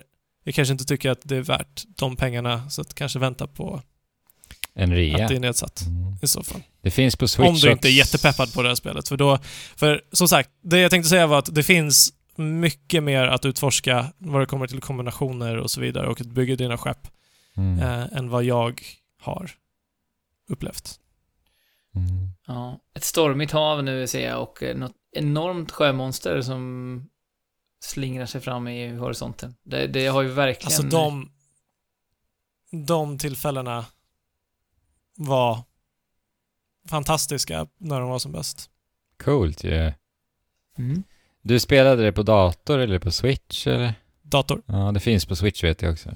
Jag tänkte att jag inte ville riskera att spela på Switch om det skulle inte funka så bra. Nej. Men jag vet inte. Så att om du vill spela på Switch så kolla upp först prestandamässigt hur Mm. det funkar. Mm. Ja, blev lite trollbunden av Windbound här måste jag säga när jag satt och lyssnade på dig och tittade lite på bilderna samtidigt. Mm. Eh, härligt. Mm. Har du blivit eh, trollbunden av eh, kaptener som, som skriker dig i örat och att springa efter en boll också? Ja, men lite. Jag har ju spelat eh, Captain Tsubasa. Som är en eh, väldigt långlivad eh, manga-anime i Japan. ja. Eh, och då nu, eller inte nu, det har funnits länge, spel. Jag har ju faktiskt spelat ett Captain Tsubasa-spel redan på 8-bits, NES 8-bits-tiden. eh, fast då hette det Tecmo World Cup. Ehm, eller nej, vänta. Tecmo Cup Soccer hette det. Så var det. Tecmo Cup Soccer hette det i Europa. Eh, och de hade liksom bytt ut alla karaktärerna så att huvudkaraktären heter Robin till exempel. Eh, i, I den europeiska varianten. Men det var väldigt speciellt för jag spelade ju mycket sportspel när jag var liten med mina kompisar och så på NES. Eh, och SNES och så. Och det här var ju ett spel som man hade sett förut för att eh, det, det gamla spelet eh, var ju ett rollspel. Du kom Mm. eh, till exempel med en mittfältare och försökte dribbla av din eh, motståndare och då kom det upp en så här en, en meny med olika val. Så Alltså det var ju eh, om... Ett Tu- ja, RPG-spel. liksom. turordningsbaserat. Så kunde du välja liksom, dribbla, hade du bra statistik i det så var det troligt att du lyckades och så. Mm. Eh, det här, Captain Tsubasa Rise of New Champions, är ju ett eh, ett flödande fotbollsspel. Man spelar ju matcher precis som vilket fotbollsspel som helst i grunden. Eh, kontrollen är ganska lika de i Pro Evolution Soccer också. Det är ju japanskt eh, det också. Så att eh, det känner jag igen mig. Sen finns det ju man kan säga att det finns en hel del element som inte finns i ett vanligt fotbollsspel. Eh, det är ju en shonen manga det här, det är alltså riktat till pojkar, eller hur man nu ska översätta det. Ehm, och det följer ju då Kapten Tsubasa och hans lag som för tredje året i rad och sista året i typ, vad kan det vara? Jag vet inte hur skolsystemet är där, men det är typ så här högstadiet, att de ska försöka vinna titeln för tredje året i rad. Det är aldrig någon som har gjort det förut. Och så får man följa med på den här historiska vägen. Och man märker ju verkligen att det finns ett helt universum runt omkring, för det hänvisas tillbaka till massa händelser på ett ganska tydligt sätt och även då massa karaktärer som cirkulerar runt som man märker att, aha, det här är verkligen ett persongalleri. Och ett väldigt bra persongalleri måste jag säga. Det är ju Mm. eh, grundat väldigt mycket i Alltså det är ganska vanliga personer som är med, sen är ju det som händer på planen ganska over the top, men, men många av de här barnen som spelar fotboll, de är ju helt vanliga personer bara. Eh, i, Mhm. I början blev jag lite så nästan att ah, det är nästan svårt att särskilja dem från varandra, för man är så van vid att karaktärer har så tydliga karaktärsdrag. Men här var det Mm. liksom bara mer så, ja men här är det laget ifrån från norr som spelar en liksom fotboll där de kämpar ihop väldigt hårt som lag och de har sin lagkapten som, som liksom eh, verkligen litar på sina medspelare till 100% alltid i alla lägen, fast att han är bäst liksom, själv. Eh, Mm. Och så finns det stor, ja, Tokyo-laget då som har en stjärnstriker som är rätt så arrogant, men, men som sen visar sig vara egentligen ganska godhjärtad. Och det är, det är ju på något sätt tonen i hela Captain Tsubasa, det är ju eh, ja men lite som i Pokémon, att egentligen så Ja. älskar alla bara att spela fotboll, eller egentligen så Ja. älskar alla bara att leta Pokémon. Eh, och de är rivaler, men när de förlorar mot varandra så säger de så här Ja, du är en värdig motståndare till mig. Hoppas du vinner hela turneringen. Eh, och så Ja. konstaterar då Tsubasa att ja, han verkade ju vara eh, en, en, en, en jerk, men nej, det visar att han är, han är hyvens kille egentligen. Ungefär den arken är det. Ja, vad fint. Ehm, men de har verkligen lyckats med det här att ge de här olika lagen som man möter, det blir ju en, det är ju en berättelse, eh, ge de här olika lagen karaktär eh, utifrån vad de är duktiga på eh, och vilka personlighetstyper de har. Man möter ju då dem under en lång turnering, Mm.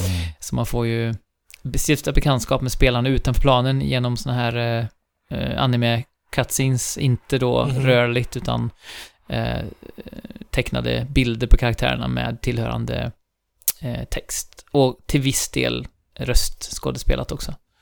Är det typ Eh. grafisk novellaktigt då? Ja, exakt. Det ser ut som en grafisk novell utanför fotbollsplanen. Mm. Eh, Men, Mm. ja, alltså om du jämför det här med Fifas, den här story... story Ja, det, som, det roliga är att det heter faktiskt Journey också, Nej, som det gör i. Fifa.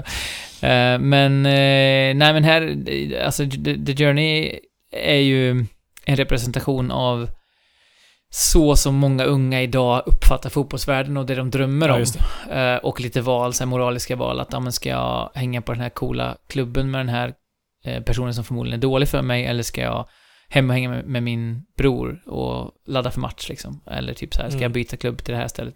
Det är ju väldigt mycket så här en, en reflektion av den, den moderna fotbollen, på gott och ont. Medan Captain Tsubasa är mycket mer en, eh, en sportanime som man spelar liksom. Mm. Ehm, men man, jag tycker b- berättelsen är ju verkligen det som driver en framåt i matcherna och så. Mm. För matcherna i sig är inget här, superspeciellt. Eh, alltså om man bara tittar på, på, på fotbollsspelandet. Ehm, däremot så är det ju väldigt häftigt och snyggt hur de väver in eh, narrativet i matcherna hela tiden. För Ah. Dels är det ju så att rätt som det är så kan det triggas en liten filmsekvens. Du bara springer med bollen på offensiv planhalva och är på väg att liksom passa och så plötsligt så bara triggas det en filmsekvens.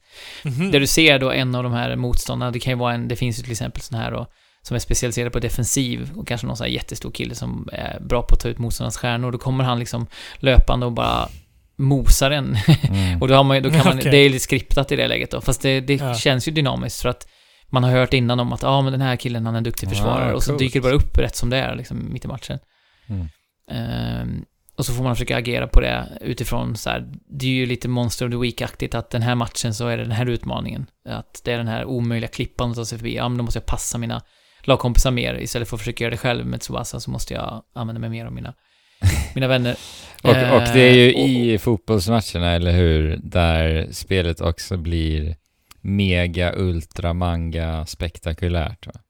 Ja, alltså i de, i de sekvenserna så är det ju liksom så här närbild på någon som så här Naruto springer i princip eh, och så blixtrar det bakom dem och ja, det är verkligen, Ja. där slänger de in alla de härliga effekterna och, och dessutom om du spelar bara vanligt, om det inte triggas en sekvens utan du kommer i ett skott Mm. eh, och du skjuter ett specialskott för det går ju att ladda upp vissa spelare i laget, bland annat Tsubasa förstås, har ju ett, ett, en, ett signumskott som de kan skjuta.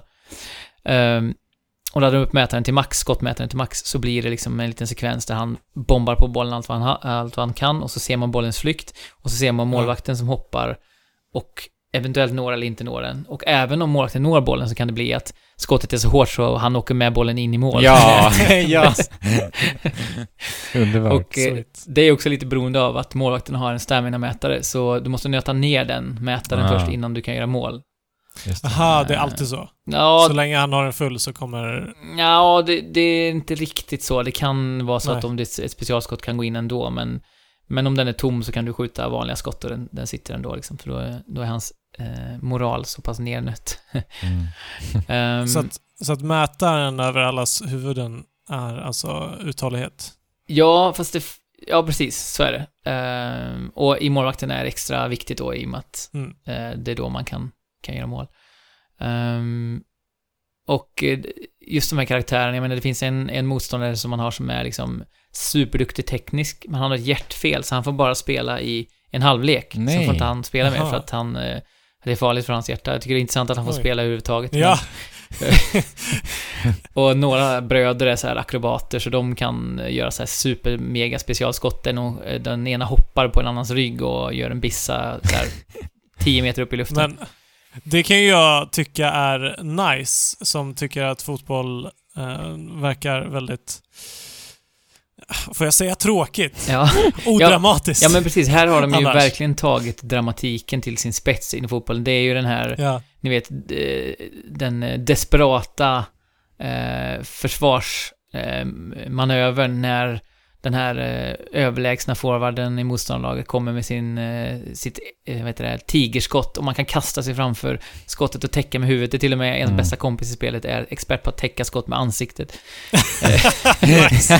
Eh, han heter Ishizaki och är väldigt så här eh, lite flummig liksom. De andra i laget driver med honom, men han har extremt stort hjärta och ja. Och eh, det, man kan, det finns en specialmätare du kan trigga så att om motståndaren gör en sån här specialskott så kan du trigga din, eh, din eh, V-meter eller vad det nu heter som i ett fightingspel och då kan din målvakt rädda skottet även om motståndaren skjuter ett dundersuperskott liksom. Ehm, Mm. så att det finns lite, lite strategi i det också, men väldigt mycket så är ju matcherna en motor för att uppleva den här berättelsen om den här turneringen. Mm. Eh, och det är mycket så här, lite VM-mode i det också, för som sagt det är sista året för många av dem tillsammans och, de ska splittras och, Ja, och sådär. Så att, det. eh, nej men det är en fin berättelse. Det är verkligen Ja. ehm, eh, kul att få till- stifta bekantskap med karaktärerna. Det är det som är den Mm. stora eh, grejen jag tar med mig från Captain Tsubasa. Och man kan också spela, det finns två kapitel, ett kapitel då med Tsubasa och sen finns det ett kapitel du kan skapa en egen karaktär.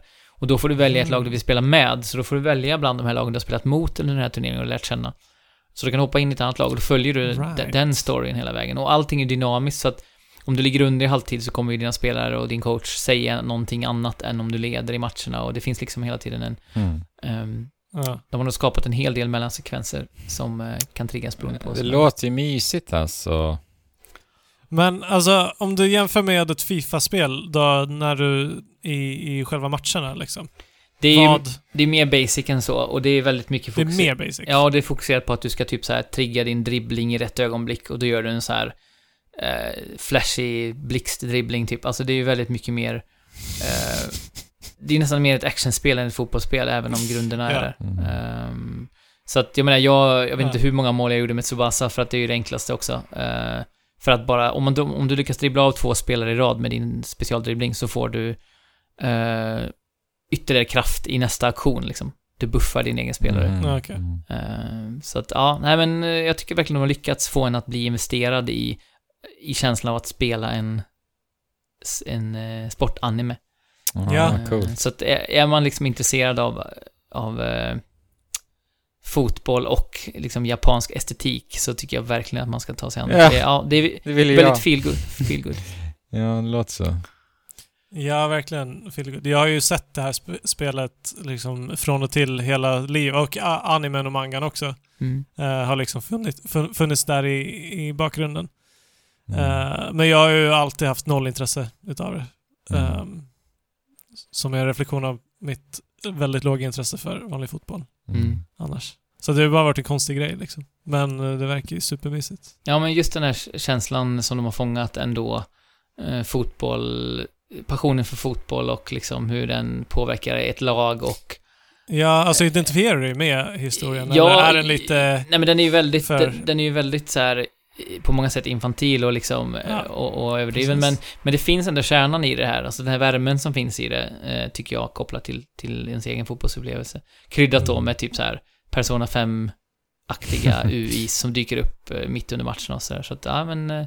Det kan vara... Du spelar på Ja, eh. Switch. På Switch, ja. Och det syns ju lite att eh, på PS4 hade det ju varit skarpare. Eh, det är lite så här eh, utsmetat ibland. Men det är värt det för att kunna krypa ner i sängen tillsammans med ditt fotbollslag. ja. Ta med mig Tsubasa under täcket. Ja. Ja, Mysigt. Ja. Ja. Vi har eh, trippelt Japan här i slutet på podden. Eh, jag vet inte, vill ni prata 3D All-Stars först eller ska vi greppa tag i Final Fantasy 14? Alltså du ska ju övertyga mig om att Final Fantasy 14 är värt att lägga ner eh, 40 plus timmar på innan man kommer till the good stuff. Ja, alltså jag har ju gått och trånat efter Final Fantasy 14 i ja, länge, alltså till och från nästan i något år eller så. Och sen har jag hört hela tiden att ja, men när 5.3-patchen släpps så kommer de att streamlina eh, egentligen hela Re- Realm Reborn, alltså första eh, grundspelet. Den där jäkla blir det ju- 5.3-patchen alltså.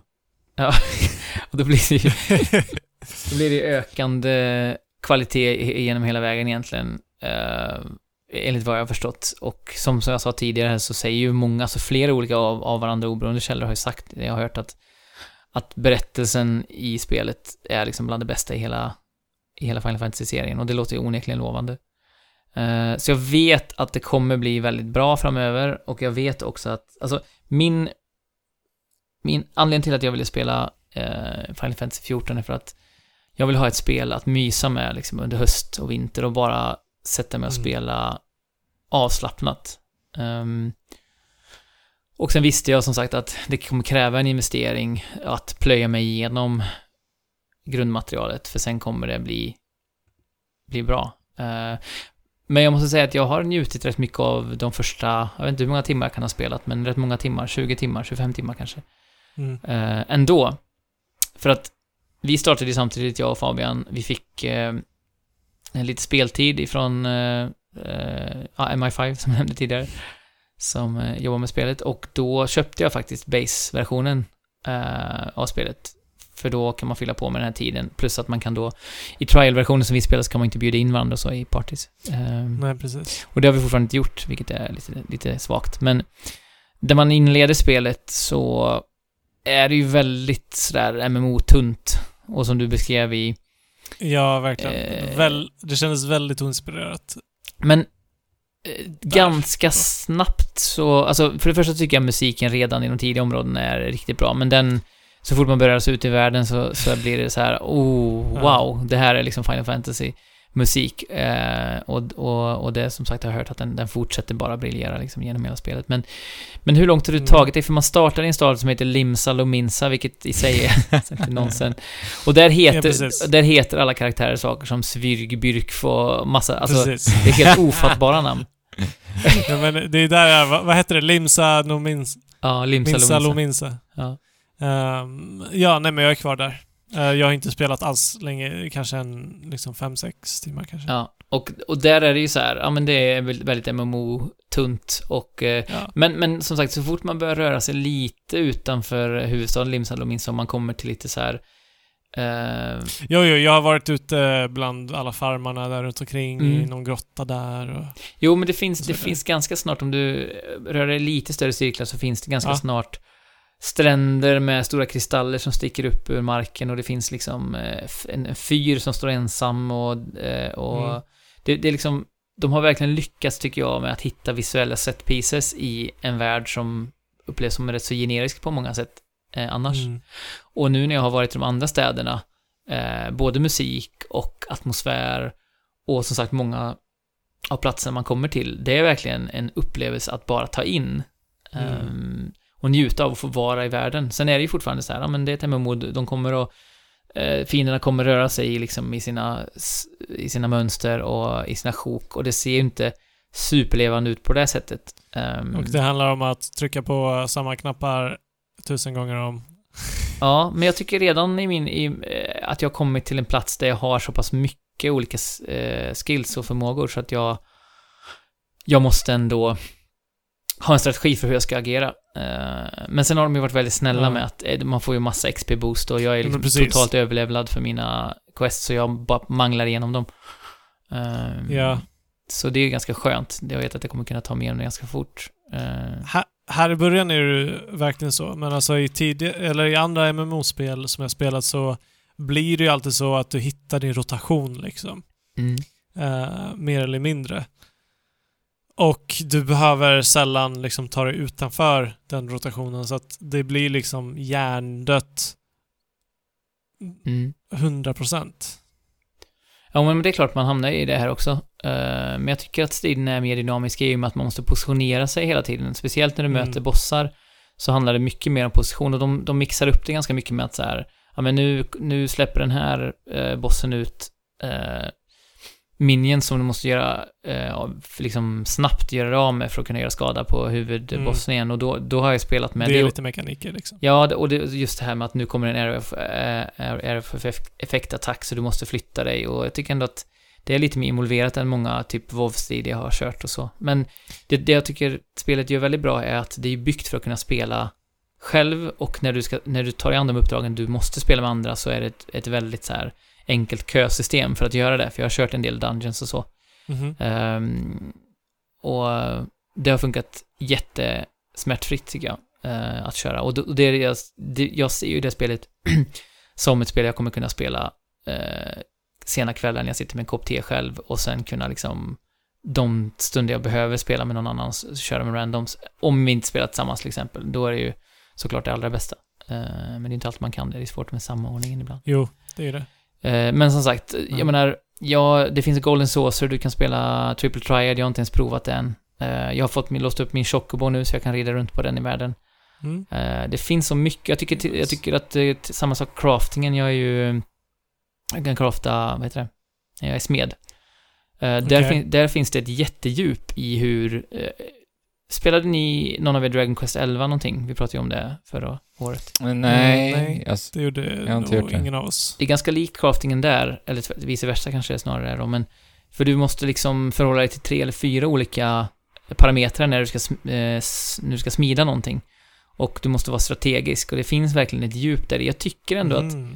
som MMO betraktat så har de hittat många små, små eh, tweaks, ja precis, Mm. system som gör att det ändå blir mer involverat. Och framförallt så älskar jag hur karaktären ser ut och hur den förändras utifrån det man, eh, den gear man plockar på sig och du kan ju ha alla jobb. Du kan ju välja mellan precis allting i hela spelet. Du byter bara utrustning, du byter från liksom din, eh, jag är Marauder. Det är alltså. nice. Ja, och sen byter du bara till kockutrustningen. Då plötsligt är du kock och då levlar du den oberoende av den andra leveln. Så du levlar liksom varje tacksamt. yrke för sig. Ehm, ja, nej men jag, jag har verkligen haft det mysigt med spelet. Jag har liksom puttrat på med spelet och jag vet att det öppnar upp sig mer och mer och blir bättre och bättre. Så att det här är någonting jag känner att jag kommer att hålla på med i, i, i längden. Uh, jag vet inte om jag får med dig på tåget, men Jo, eller alltså...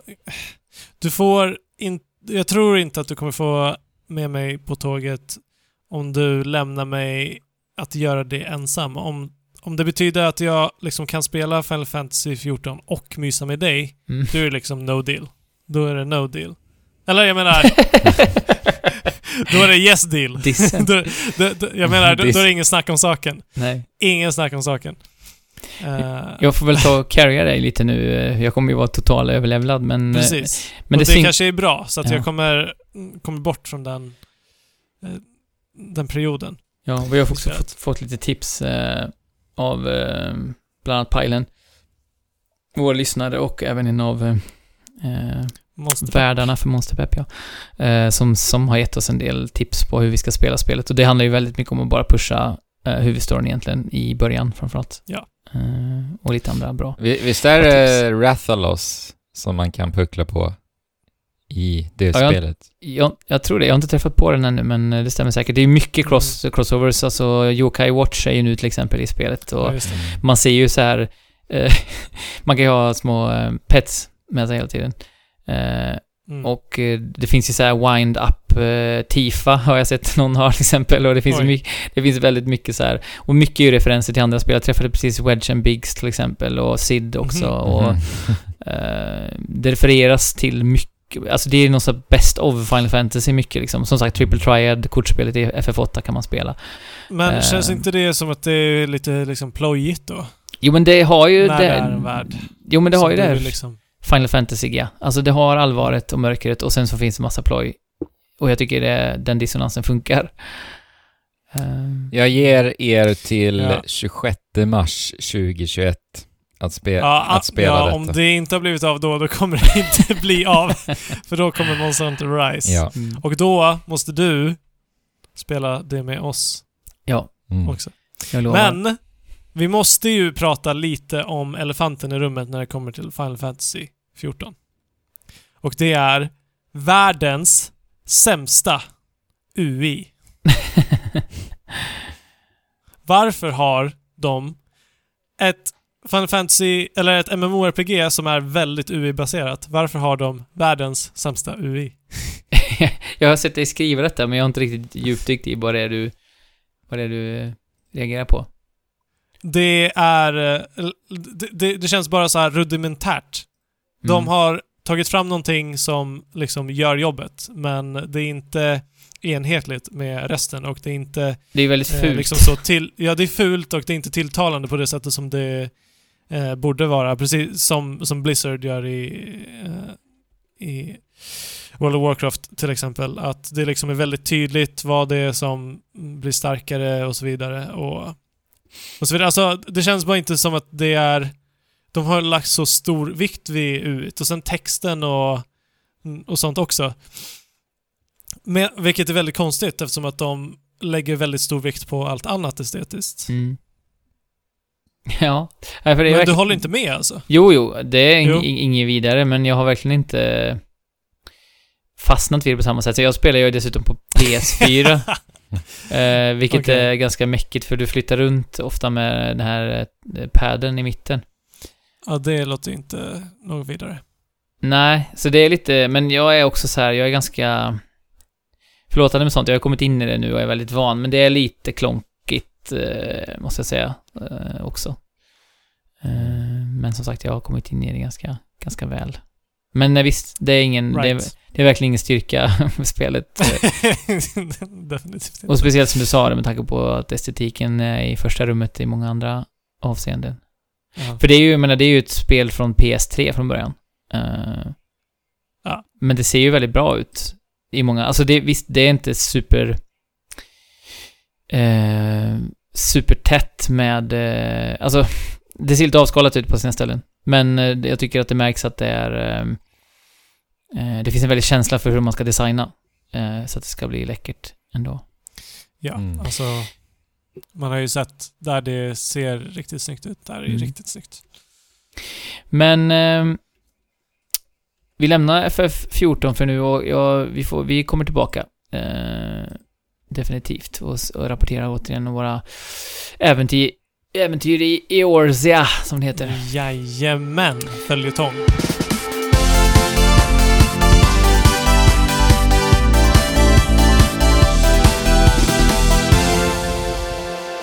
Och hoppar, studsar in i det sista spelet och ämnet för dagen här, eller för detta avsnitt. Eh, jag, jag står ju och väntar, trampar otåligt vid min Nej. vid min brevlåda här för att plocka upp eh, ett eh, Super Mario 3D All-Stars. Men jag tror det skulle komma idag på tisdagen här, för Andy skickade i fredags. Men ännu har inte dykt upp någonting, så att jag, Är det jag sant? Och undrar ju också om inte den här, det har ju cirkulerat illavarslande uppgifter på våran Discord, en bild på när Andrew lägger upp våra exemplar av Super Mario All-Stars som han har fått hem till sig då, på Blocket.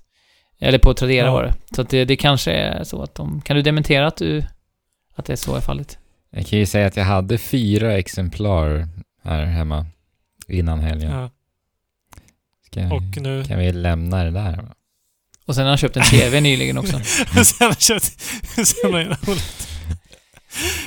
Ja. Nej, men vi hoppas Ja. att det dyker upp imorgon så jag får ta mig an det. Men nu Mm. får ni berätta för mig om eh, hur ni känner kring det så att jag vet vad jag ska, vad jag ska känna när jag spelar. Eh, jag ser... Andrew eh, var ju ganska down och besviken på, på den här samlingen när den avtäcktes under... eh, Ja, precis. Jag känner lite så här nu. Um, ska vi avsluta podcasten nu i en strid? Är det det vi ska göra? I en strid. Vässar spjuten. Ja. Vässar min fladd, kanske. Eller det är du som kanske ska göra det, Fabian. Kanske det. Nej, men Vi jag... får se eh, vad som sägs. Ja, precis. Jag har ju spelat Super Mario Sunshine. Det- är det enda spelet du har spelat. Eh, Nej, men jag har ju nosat på de andra, men... eh, Ja. Det var ju, alltså så här. Jag ville ju spela Super Mario 3D All-Stars eh, på, grund, Ja. på grund utav Super Mario Sunshine. För att... Som alla säger. Som alla Mm. säger. För att jag har inte spelat det tidigare. Eh, och jag har velat Nej. spela Super Mario Sunshine länge. Och nu fick jag i alla fall eh, 1080p-upplösning och eh, widescreen.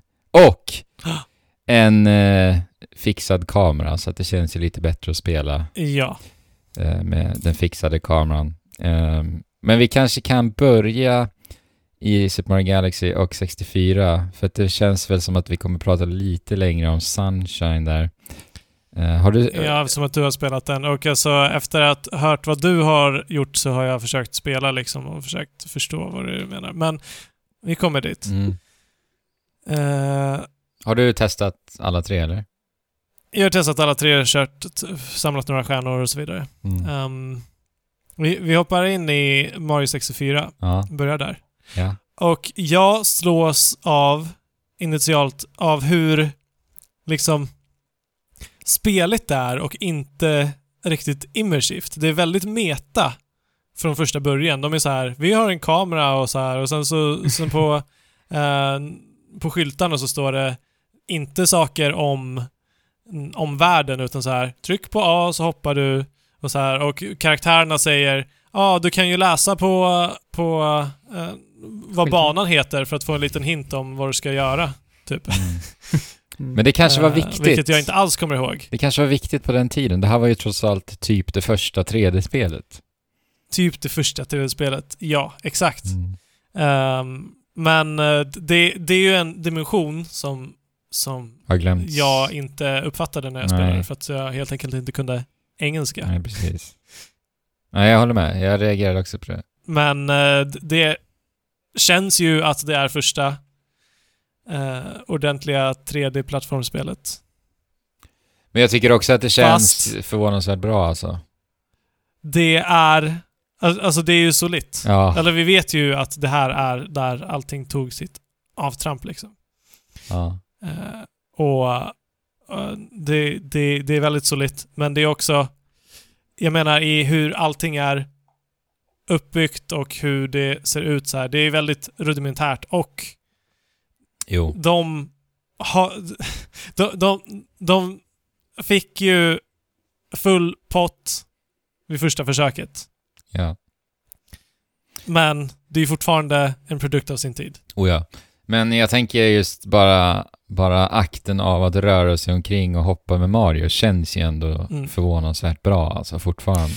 Typ, Det är ju exakt det rörelsemönstret eh, som har byggts på Ja. ända fram till idag, mer Exakt. eller mindre. Eh, och det första de gjorde när de började utveckla det här spelet var att se till att Mario känns bra Mm. att styra. och jag blir ändå så här, när jag tänker på det, det är imponerande hur de på första försöket kommer på Z-hopp, långhoppet, de kommer på Ja. trippelhoppet, alltså, och Nej. de kommer på den här somersault-hoppet, ni vet när man byter riktning och sen hoppar. Ja, precis. Alltså hur kan de, hur kunde de komma på Eh, det, alla de det är genius. Och det är det vi använder idag. fortfarande? också, och vi tycker fortfarande det känns fantastiskt.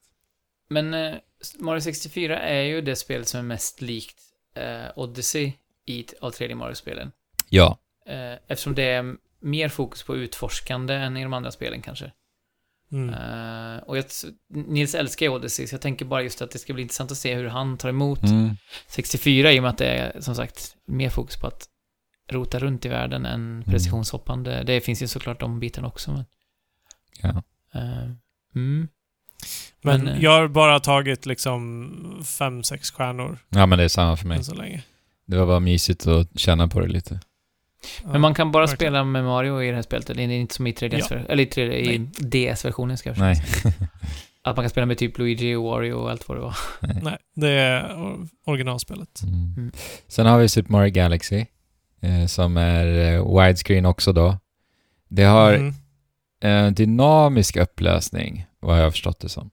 Eh, men det ser Kanske. ju väldigt, väldigt skarpt ut alltså. Det är riktigt fint, det känns riktigt bra. Ja, rull... Jag trodde att det inte skulle kännas så bra att spela eftersom att man uh, originellt hade Wiimoten, Mm. men det känns, det känns bra att, att spela med gyron också. Ja, vi använder gyron för att sikta så att vi kan erhålla starbits istället för Precis. med Wiimote. Och det känns jättebra. Alternativt till handheld mode så pekar du på skärmen. Det är inte riktigt lika smidigt Nej. men... Precis. Eh, som en rutinerad Splatoon-spelare så jag spelar med Pro-kontrollen så funkar det jättebra Mm, att sikta på jättebra. med starbits. Och det är så fint. Och alltså att bara... Att bara komma till de här världarna och höra musiken Mm. igen. Liksom, jag, är ju, jag är ju taggad på att spela den. Jag med. Det var så pass länge Ja. sedan att jag inte... Eh, jag fattade inte hur mycket jag saknade Nej. det här spelet. Nej, alltså det är så grandiost. Alltså det är så storslaget, Super Mario Galaxy. Och verkligen, alltså de där orkestrarna Ja. är någonting out of this world. Ja.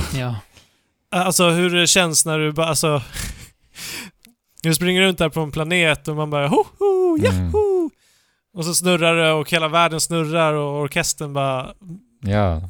sprängs på medan du flyger genom rymden. Det är någonting Ja men, riktigt ja, magiskt. men Mario-ljudeffekterna stö stödjer ju det här orkestrerade soundtracket. Alltså du vet, när jag, Verkligen. när jag lyssnar på Super Mario Galaxy soundtracket utanför spelet så ser jag ju mig själv alltså göra Mario-läten. För att det, det känns Ja. som att det saknas någonting annars. Ja. Nej men det är, alltså det Ja, är verkligen. fullständigt magiskt alltså, Super Mario Ja. Galaxy. Och det, som du säger, jag vill också bara spela det igen nu. Jag, jag har ju spelat Super Mario Sunshine nu, men jag typ vill bli klar med det av anledningen vi kommer in på för att spela det här Mm. också. Nej men det känns jättekul Ja. att spela det. Men sen är det ju det där som vi pratade om redan, vi behöver väl inte prata för mycket om det, men att eh, vi saknar ju såklart eh, tvåan va? Ja, men eh, jag har blivit lite mer så positiv till att, för att jag kommer eh, ihåg tvåan nog mer än vad jag kommer ihåg, än vad jag kommer ihåg ettan. Jo. Eh, så att det ska bli väldigt mysigt Mm. För mig är det att tvärtom, gå igenom det här. måste jag säga. Att, att, att jag tänkte från början att ah, tvåan är väl bara mer av ettan, så det funkar bra med ettan för min del i samlingen. Mm. Mm. Jo men, Mario Galaxy 1 tror jag känns lite mer som att de liksom börjar från början medan Galaxy 2 bara är pang in, fortsätt liksom. Mm. Eh, Var det ettan eller tvåan man fick, kunde låsa upp Luigi när man hade Det är ettan. klarat? Okej. Ja. Spoiler. Super, Sorry. Super Luigi Galaxy blir det då. Men det här... Både Mario 64 och Mario Galaxy rullar i 60 bildrutor i sekunden. Inte 64. Inte 64, Nej, det rullar i 30. det rullar i 30. Mm. Men eh, Galaxy rullar i sex, 60 bildrutor i sekunden. Ja. Det är, jag, Och det märker man verkligen när du hoppar in i Super Mario Sunshine. Verkligen. Ska vi, Eh. ska vi röra oss dit då? Ja, jag tänkte att vi gör det. Delfino Plaza. Delfino Plaza. ja, vi, Da, da, vi kan väl börja där. da, da, da. Super Mario Sunshine är ju fantastiskt eh, när vi befinner oss i Delfino Plaza. Jag älskar Delfino Plaza. Mhm. Musiken är ju, är ju också en av de saker jag verkligen älskar här. Mm. Eh, och Mm. semesterstämningen. ja, så jäkla nice. Ja. Allting är semester. De är ju Tropiska till och med på semester här ju. De har ju Ja. flugit till den här ön. Ja, men precis. Um, märkligt eh, konstiga eh, mellansekvenser där i inledningen. ja. ja. alltså Mario röst... de är- drömmer de någonting är eller? Nej! Nej, de bara pratar. De pratar. Eh, och det verkar som att de är i liksom riktiga världen och de har en uh, rättegång liksom i Mario-universumet. Ja. Ja. För att premissen är ju att eh, Mario, Peach och Toad, vad heter det? Toad? Sworth. Toad, Toadsworth är på väg eh, på en liten semestertripp. Så landar de då vid Delfino Plaza. Men sen så är det ju då en skuggvariant utav Mario som har kladdat ner hela Delfino Plaza med massa gyttja. Och när Mario anländer, då, då anklagas ju då såklart Mario som vi spelar för att ha gjort detta. Mhm. Så då hamnar vi i rättegång. I en jättemärklig mellansekvens med ja, hysteriskt röstskådespel. Men, eh, ja. ja. Och då eh, som straff så ska vi se till så att eh, helt enkelt eh, städa upp. Återställa, ja. Ja. Samhällstjänst. Exa Precis. exakt. Eh, Och i det här så hittar vi också en liten manik som är eh, gjord av eh, professor Egad. mm. Mm. Som då har... Jag visste inte, jag visste inte det här från... För att jag också var liten när jag spelade där att det var... Det är alltså samma eh, tokiga professor som, som har gjort Luigis dammsugare i Luigis Mansion Mm. som har gjort Flood som är Marios verktyg. Mm. Va- va- vattensprutande verktyg i det här spelet. Som vi använder för att städa upp Delfino. Städa upp, Delfino Isle, Och- just det. Så heter det. precis. Ja. Och även eh, stödja Mario i sina Mm. plattformshopp. Precis. Eh, så det, det är väl där plattformshoppandet mycket centreras. Men sen så har vi ju också eh, alla rörelser förutom long jump eh, ifrån Super Mario 64. För att det här är ju Vi kan inte ducka inte ducka det. heller, nej, just det. överhuvudtaget. Just det. Eh, för det här är ju det andra 3D Mario-spelet, visst blir det? Ja, det blir det ju. Efter Super Mario Och det är 64. helt sjukt att det är det andra Ja, 3D-spelet faktiskt. också. Eh, Men Mario känns ju eh, eh, riktigt trevlig att kontrollera alltså. Speciellt, eller väldigt viktigt då, endast kanske jag ska säga, upplever jag då, i kontrollerade miljöer utan Mhm. eh, precisionshopp. Då tycker jag att Mario Mm. är väldigt kul eh, att hoppa omkring med. Eh, just Det hur... låter lite som ett problem Ja, för ett Mario-spel att, det- Ja, att det inte får vara precisionskrävande. Ja, men det är väl kanske det sämsta vi kan säga eh, om ett plattformsspel. Att jag upplever att det, ja, det är faktiskt tvärtom när vi ska precisionshoppa. mm. Eh, framförallt så finns det ju, hela upplägget i spelet är ju som i alla Mario-spel, vi ska erhålla eh, stjär, stjärnor, shine sprites heter det i det här Mm. spelet. Eh, och sen så är det ju typ lite uppdrag du hoppar in i när du går in i banor. Eh, ja, och varje bana har typ en, en story arc Ja. från början till slut. Och eh, en del av de här shine sprites så, så blir du bestulen på din fladd Eh, och då hamnar du i eh, någon form av märklig plattformshoppande dimension där det bara är just fokus på plattformshoppande utan fladd. Och de här är hemska, tycker jag. De här är så fruktansvärt dåligt designade både i nivådesign, där det känns som att eh, nivådesignern har liksom bara slängt ihop plattformar utan någon tanke överhuvudtaget. För att dels så lär du dig eh, för första gången hur mekanikerna, hur plattformarna beter sig och funkar när du först kommer hit. Du, du har aldrig blivit introducerad till någonting utav det här innan i spelet. Mm. Och som sagt så är det så sjukt mycket märkliga märkligheter i det här spelet när det kommer till just precisionshoppandet. Hoppandet. Och det är typ Coyote time, ni vet det här begreppet som vi har pratat om, eh, att Mm. när, du, Mm. när du springer och ska eh, ta avsats eh, från en plattform så, eh, Du flyger lite innan... ja, du svävar lite i luften innan. Ja. Eh, egentligen så hoppar du eh, utanför plattformen, men det är för att du ska Mm. bidra till en bättre känsla i spelet. Det finns typ inte i det här spelet. Um, också typ kollisionerna beter sig jättemärkligt. De är, känns jätteinkonsekventa. Och Mario, eh, ni vet det här somersault-hoppet man gör i Mario när man ändrar riktning snabbt Mm. och sen så gör du ett hopp. Mm. Den initieras automatiskt i det här spelet eh, när du gör den eh, rikt, riktningsbytet så att säga. Eh, för att i Odyssey och typ Super Mario 64 så kräver det lite mer timing och lite mer precision att du gör det samtidigt. Men i det här spelet så händer det typ så fort du rör dig. Och det spelar ingen roll hur snabbt du rör på spaken dessutom. Så att när du eh, befinner dig typ på en liten, liten plattform och bara ska snuddröra på Mario för att ställa dig till rätta. Ja men då gör han ju den där märkliga skitsaken som gör att jag gör en somersault eh, hopp istället och då... Vadå, du måste inte ens trycka på hoppknappen eller? jo jo, men eh, jag menar att Ja. jag vill ju hoppa iväg.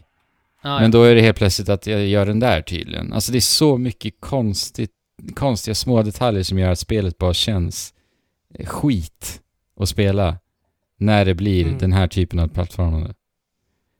Alltså, jag håller med om att det, de här fladdlösa eh, momenten och även många andra minispel Ja. med fladd är eh, inte bra. Nej. Och att de inte... Eh, det, det är ju det sämsta i hela spelet. Mm. Men eh, jag skulle ju inte heller säga att det är representativt för spelet i sig. Eh, Nej. och, eller jag menar, nu, nu har jag, jag har inte spelat hela spelet som du har. Och jag var bara så förvånad över att du eh, säger att du snudd på avskyr det här spelet. Mm. Eh, vilket jag inte trodde att jag, jag, jag gjorde. Och nu har jag spelat så att jag eh, har väl en 25 sprites och så här. Och jag älskar, jag älskar att kontrollera Mario. Mm. För mig, för, alltså det, det är jättekul att kontrollera Mario. Eh, och hoppa runt och använda flood och jag menar, eh, du säger att saker och ting bara är liksom utplacerade och grejer. Och det ser jag i den här kontexten som en styrka. För att du har så pass diversa rörelsemönster och har därmed också väldigt mycket frihet. Och jag finner att jag i det här spelet till skillnad från andra Mario-spel väldigt lätt kommer in, kommer in i ett... Eh, eller alltså, jag kommer in i ett flow, men jag kommer ännu lättare in i ett flow i det här spelet. Eh, just eftersom att du väldigt, väldigt snabbt kan accelerera till höga hastigheter. Eh, och när du hoppar och kanske missbedömer lite så går det att småjustera lite i luften on the go och så vidare. Vilket jag tycker är Mm. eh, stund på fanta- fantastiskt. Ja, jag håller ju... Jag tycker inte att det här är... Alltså det här är ju inte Galaxy... Eh, vad heter det? Galaxy-nivå på det här spelet. Det är inte eh, det bästa Mario-spelet. Håller jag med om. Men det är långt... Jag, jag, jag relaterar inte med att det är eh, kast på något sätt. Mm. Det är nej. experimentellt, det är det. Och det är på gott och på ont. Alltså jag, jag pendlar väldigt ofta, pendlade väldigt ofta i det här spelet mellan att jag avskydde det totalt och innerligt till att det var ett, ett bra Mario-spel. Och det hände konstant eh, under hela min upplevelse. Och jag, Ja, alltså- jag, jag, jag jämför ju såklart också med Super Mario Odyssey som jag tycker är det bästa spelet, Mario-spelet när det kommer till att just kontrollera Mario tveklöst. Och det bli, Ja. blir ju väldigt bekräftat också när jag spelar det här spelet. Och jag, jag menar det spelet har jag spelat i 130 timmar eller vad det är. Eh, så jag har ju det väldigt mycket i ryggmärgen hur det känns att spela det spelet. Mm. Så det blir ju Visst. väldigt mycket att jag jämför med det också förstås. Men det är verkligen, ah, Och då jämför du liksom med eh, den trefaldiga utvecklingen av exakt. det här spelet.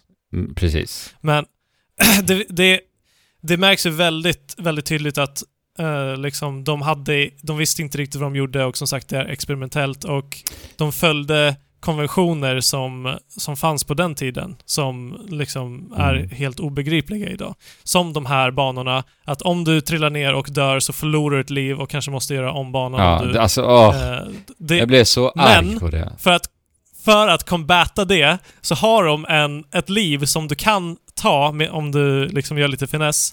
Eh, och det är inte alltid hundraprocentigt som gör att du kanske dör ändå liksom. Och det är sjukt frustrerande. Ja men jag och sen tänker, har vi den här Pachinko-banan som är typ det sämsta jag någonsin eh, har spelat. Och Ja. typ när du flyger på sand... Eh, fågeln. sandfågeln. Den hade jag faktiskt inga Det- problem med. Jag, jag vet inte vad som hände. Men, Du hade inte problem? nej. Nej, men alltså du vet, det, det är kollisioner som du snackar. Och Mario får inte en, sin relativa hastighet när han står på saker som rör sig. Precis. Så, så att om du är på en båt som rör sig liksom, Mm. och du hoppar, då hoppar du inte med båten, Mm. utan båten åker ifrån dig under dig. liksom. Ja men precis. Eh, som gör att när plattformar rör sig så blir det, här, så blir det väldigt konstigt.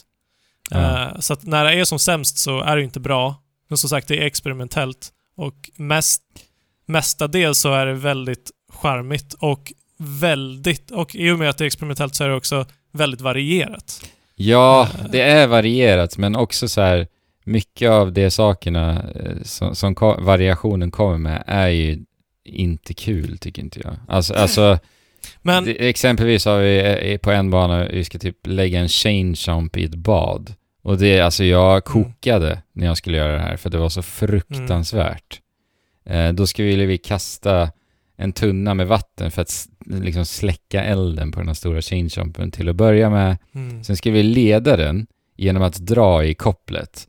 Och bara det här hatar jag med det här spelet, att när du ska typ plocka upp saker så kan du inte, som i typ alla andra spel i hela jädra världen, tryck på knappen för att plocka upp det. Nej, du måste typ stanna med Mario, trycka på knappen för att hålla in, sen måste du typ vänta i någon millisekund för att Mario ska fatta att du ska göra det. Alltså jag känner att jag, Mario gör inte det jag vill i det här spelet. mm. Det är så jag känner. Och sen så ska jag ta den där jävla chain jumpen till det där badet och ja, jag var fly förbannad under det uppdraget. Det, det är många sådana så här. Jag förstår vad du menar med variation, men de är inte roliga. Det var någon när man ska typ tvätta bort smuts på en ål i ett vatt, i en, långt ner i, i en vattenhåla. Det var också så här. Det här är, det här är fruktansvärt. men, jag kan ju tycka att det är mysigt att... Ja fast det är inte det Fabian. Det är ett fruktan... Alltså det uppdraget, när du ska tvätta bort smuts på tänderna på... Ja, jag, Alltså, jag kommer ihåg att jag har gjort det, men jag har inte gjort det nu. nej. Kanske suger. Alltså så här, jag har Men- klarat av spelet nu. Det är så fruktansvärt... Som sagt, det är ett bra Mario-spel när jag inte är iväg på de här skitgöra sakerna. Och plattformshopp, eh, precisionsplattformshoppande. Men jag tycker att du Ja, kan ge utan flood. Mario lite slack här. Han är på semester, låt honom vara lite slapp och lite oresponsiv. Precis. Han ska ju slappna av. Ja, Ja. förlåt. Men något som ni inte har nämnt, som jag minns nästan starkast ifrån eh, Sunshine, är ju det här eh, hubbvärldsutforskandet. Man kan hitta Ja. massa hemligheter i hubben. Det Ja. tyckte jag var Ja men det är typ det bästa med spelet. Som sagt, Delfin Plaza tycker jag om. För att här är vi i en kontrollerad miljö med bara... eh, Ja men det är en ganska bra nivådesign ändå. För att där är det ju lite så här vägghoppsplatser och du kan använda fladden lite snyggt och roligt. Och du har också tillgång till alla eh, Floods olika förmågor. Eh, till, lättillgängligt i Delfino Plaza. Mm. Så att, ja, Delfino Plaza skjuta tycker sig jag upp med en stor stråle till exempel. Ja, det så att man kan typ ladda upp och skjuta sig uppåt. Exakt. Lite annat. ja. Och raketfart. Då. Mm. Mm. Jag älskar musiken. Där tycker jag om att befinna mig. Men what's up med musiken när du sitter på Yoshi som tar över allt och är jätteirriterande. Och Yoshi är ju tråkig i det här spelet alltså, Ja. faktiskt. All, alla rörelsemönster du har sedan innan bara försvinner. Och sen finns det Mm. ingenting som läggs på det som tar över Nej. och är kul. det är så här, Du sprutar lite juice. ja, ja. Och så, och så står det bara juice första gången också. Man bara, Ja. jaha, ja. vad, har man det Det till måste då? vara jätteweird. Nej men eh, som sagt, det jag har spelat, de uppdragen jag har spelat har varit en fröjd att spela. Eh, Mm. Förutom Pachinko och, eh, och sand, Sandfågeln. Mm. Ja, väldigt delad Men här. använder du alla förmågor? Eh, som, alltså för att det är ju jätte, det kan ju vara jättejobbigt att spruta vatten med precision och så vidare. Men du har ju den här sprut eh, som gör att du, du, det blir en shotgun liksom. Ja, precis. Men, ja, exakt. Jo men Det är det... nice att använda.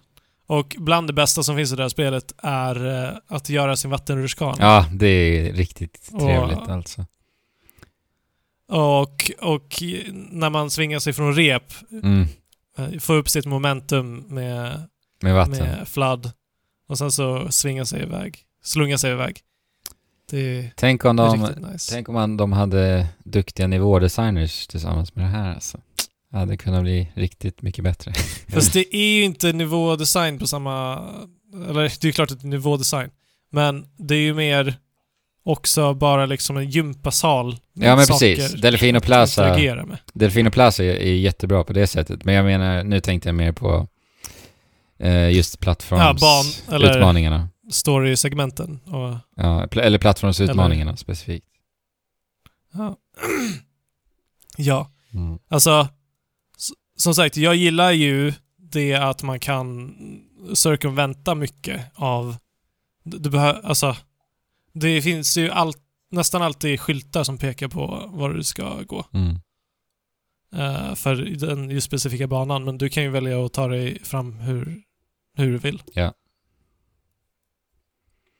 Och ja. Jag vet inte, jag har inte spelat ut det här spelet. Eh, det har sina dåliga stunder, men det har också sina riktigt jäkla bra stunder. Mm. Ja, jag är väldigt delad alltså. Jag tycker att ja, men det är helt okej överlag i sin helhet. Det sä- sämsta 3D Mario-spelet får jag faktiskt lov att fastställa. Men det är väl... Jo, jo. Det nej det säger ju eh, inte jättemycket, men jag säger det bara. Det är, det är ganska tveklöst det för mig. Det är väl lite det. Jag känner verkligen bara, ja, ja men det här är definitivt det, Mm. faktiskt. Men eh, semesterstämningen Ja. som sagt, den är underbar alltså. Semester. Super Mario Dark Clouds. Mm. är du taggad på Mario Sunshine, Jesper? Ja, det skulle bli kul att återbesöka. Det spelade jag ganska mycket på, på GameCube, men jag spelade aldrig, aldrig klart det tror jag. Eh, så det ska bli roligt. Jag är ju... Min, min- med min främsta... Främsta mm, lust inför den här samlingen är ju att se hur Nils tar sig an spelen och Mm. titta på hans reaktioner. Det kommer ju vara det som ger mig mest. Eh, och jag misstänker att han kommer att älska Galaxy, för det känns ju som ett... Alltså med tanke på upplösningen också nu, det ser ut som ett, ett nytt Mario-spel Ja. nästan. Mm. Ehm, så det tror jag han kommer verkligen gilla. Det ska bli kul. Det ska bli jätteroligt. Och Greta har ju också börjat spela mer själv och ehm, gillar ju Mario, eller Mario Kart som hon kallar honom eftersom att hon har från Mario Kart. Mario- Ehm, Jaha. Mm. ja, en, en eh, glad nyhet vi kan avrunda detta avsnitt med efter att eh, ha djupdykt i Super Mario 3D All-Stars är att jag läser på, på Twitter att eh, Amazon rapporterar att eh, Xbox One X försäljning har gått upp med 747% här nyligen. Xbox Eh, One? Ja. Vilket innebär, ja Xbox One exakt. Eh, Xbox One X. Vilket innebär kanske att det är någon som ställer sig frågan här. Wonder how many people bought an Xbox One X instead of Xbox Series X. Ja, just det. Ah nej, vad sjukt! Stackars människor. Så, Men alltså det, det får de ju äta upp alltså. Ja. ja. Namnkonventionen alltså. Mm. Mm. Ja, men eh, Super Mario 3D All-Stars kunde ha varit mer än vad det var som samling, men fortfarande en samling som eh, glädjer mycket, känns det som. Alltså, en, en härlig grej att ha till sin Switch, tycker jag det låter som. Ja, verkligen. Minimal insats, maximalt kul kanske. Mm. ja. Det får mig att tänka på den gamla reklamgingen som vi alltid hörde när vi var i Tyskland. Vi var ofta i Tyskland när vi var små, jag och min familj. Och så var det en, eh, en multivitamingodis. Eh, som man kan köpa såna här eh, fruktgodisar som man sö sög på, karameller. Och Då var det multivitaminen Maxi Geschmack Pling. Okej. Vad, snackar du om? ja, det var, det var taglinen för den, det godiset. Multivitaminen Maxi Geschmack Pling. Åh herregud. Maxi Geschmackpling. Så, eh, vad sa, vad sa du Andrew? Du sa minimal insats, maximalt kul, Mm. pling. Och plinget Ja. kanske kan ersättas med här Mario eh, eh, mynt, tänkte jag. Jaha. Ja. Men hörni, vi har eh, haft en eh, trevlig och innehållsrik stund här eh, framför mikrofonerna, tycker jag. Mm. Det har vi. Och eh, hoppas att ni lyssnar också tycker att det har varit trevligt och innehållsrikt. Ni får ju gå med på vår Discord, hörni. Eh, och ni kan också kika in eh, oss på Instagram, där vi är som mest aktiva. Se mitt vardagsrum, bland annat. Ja, TVn. Mm. Vad, vad heter vi på Instagram? Trekraften podd. Mm. Så är det. Mhm.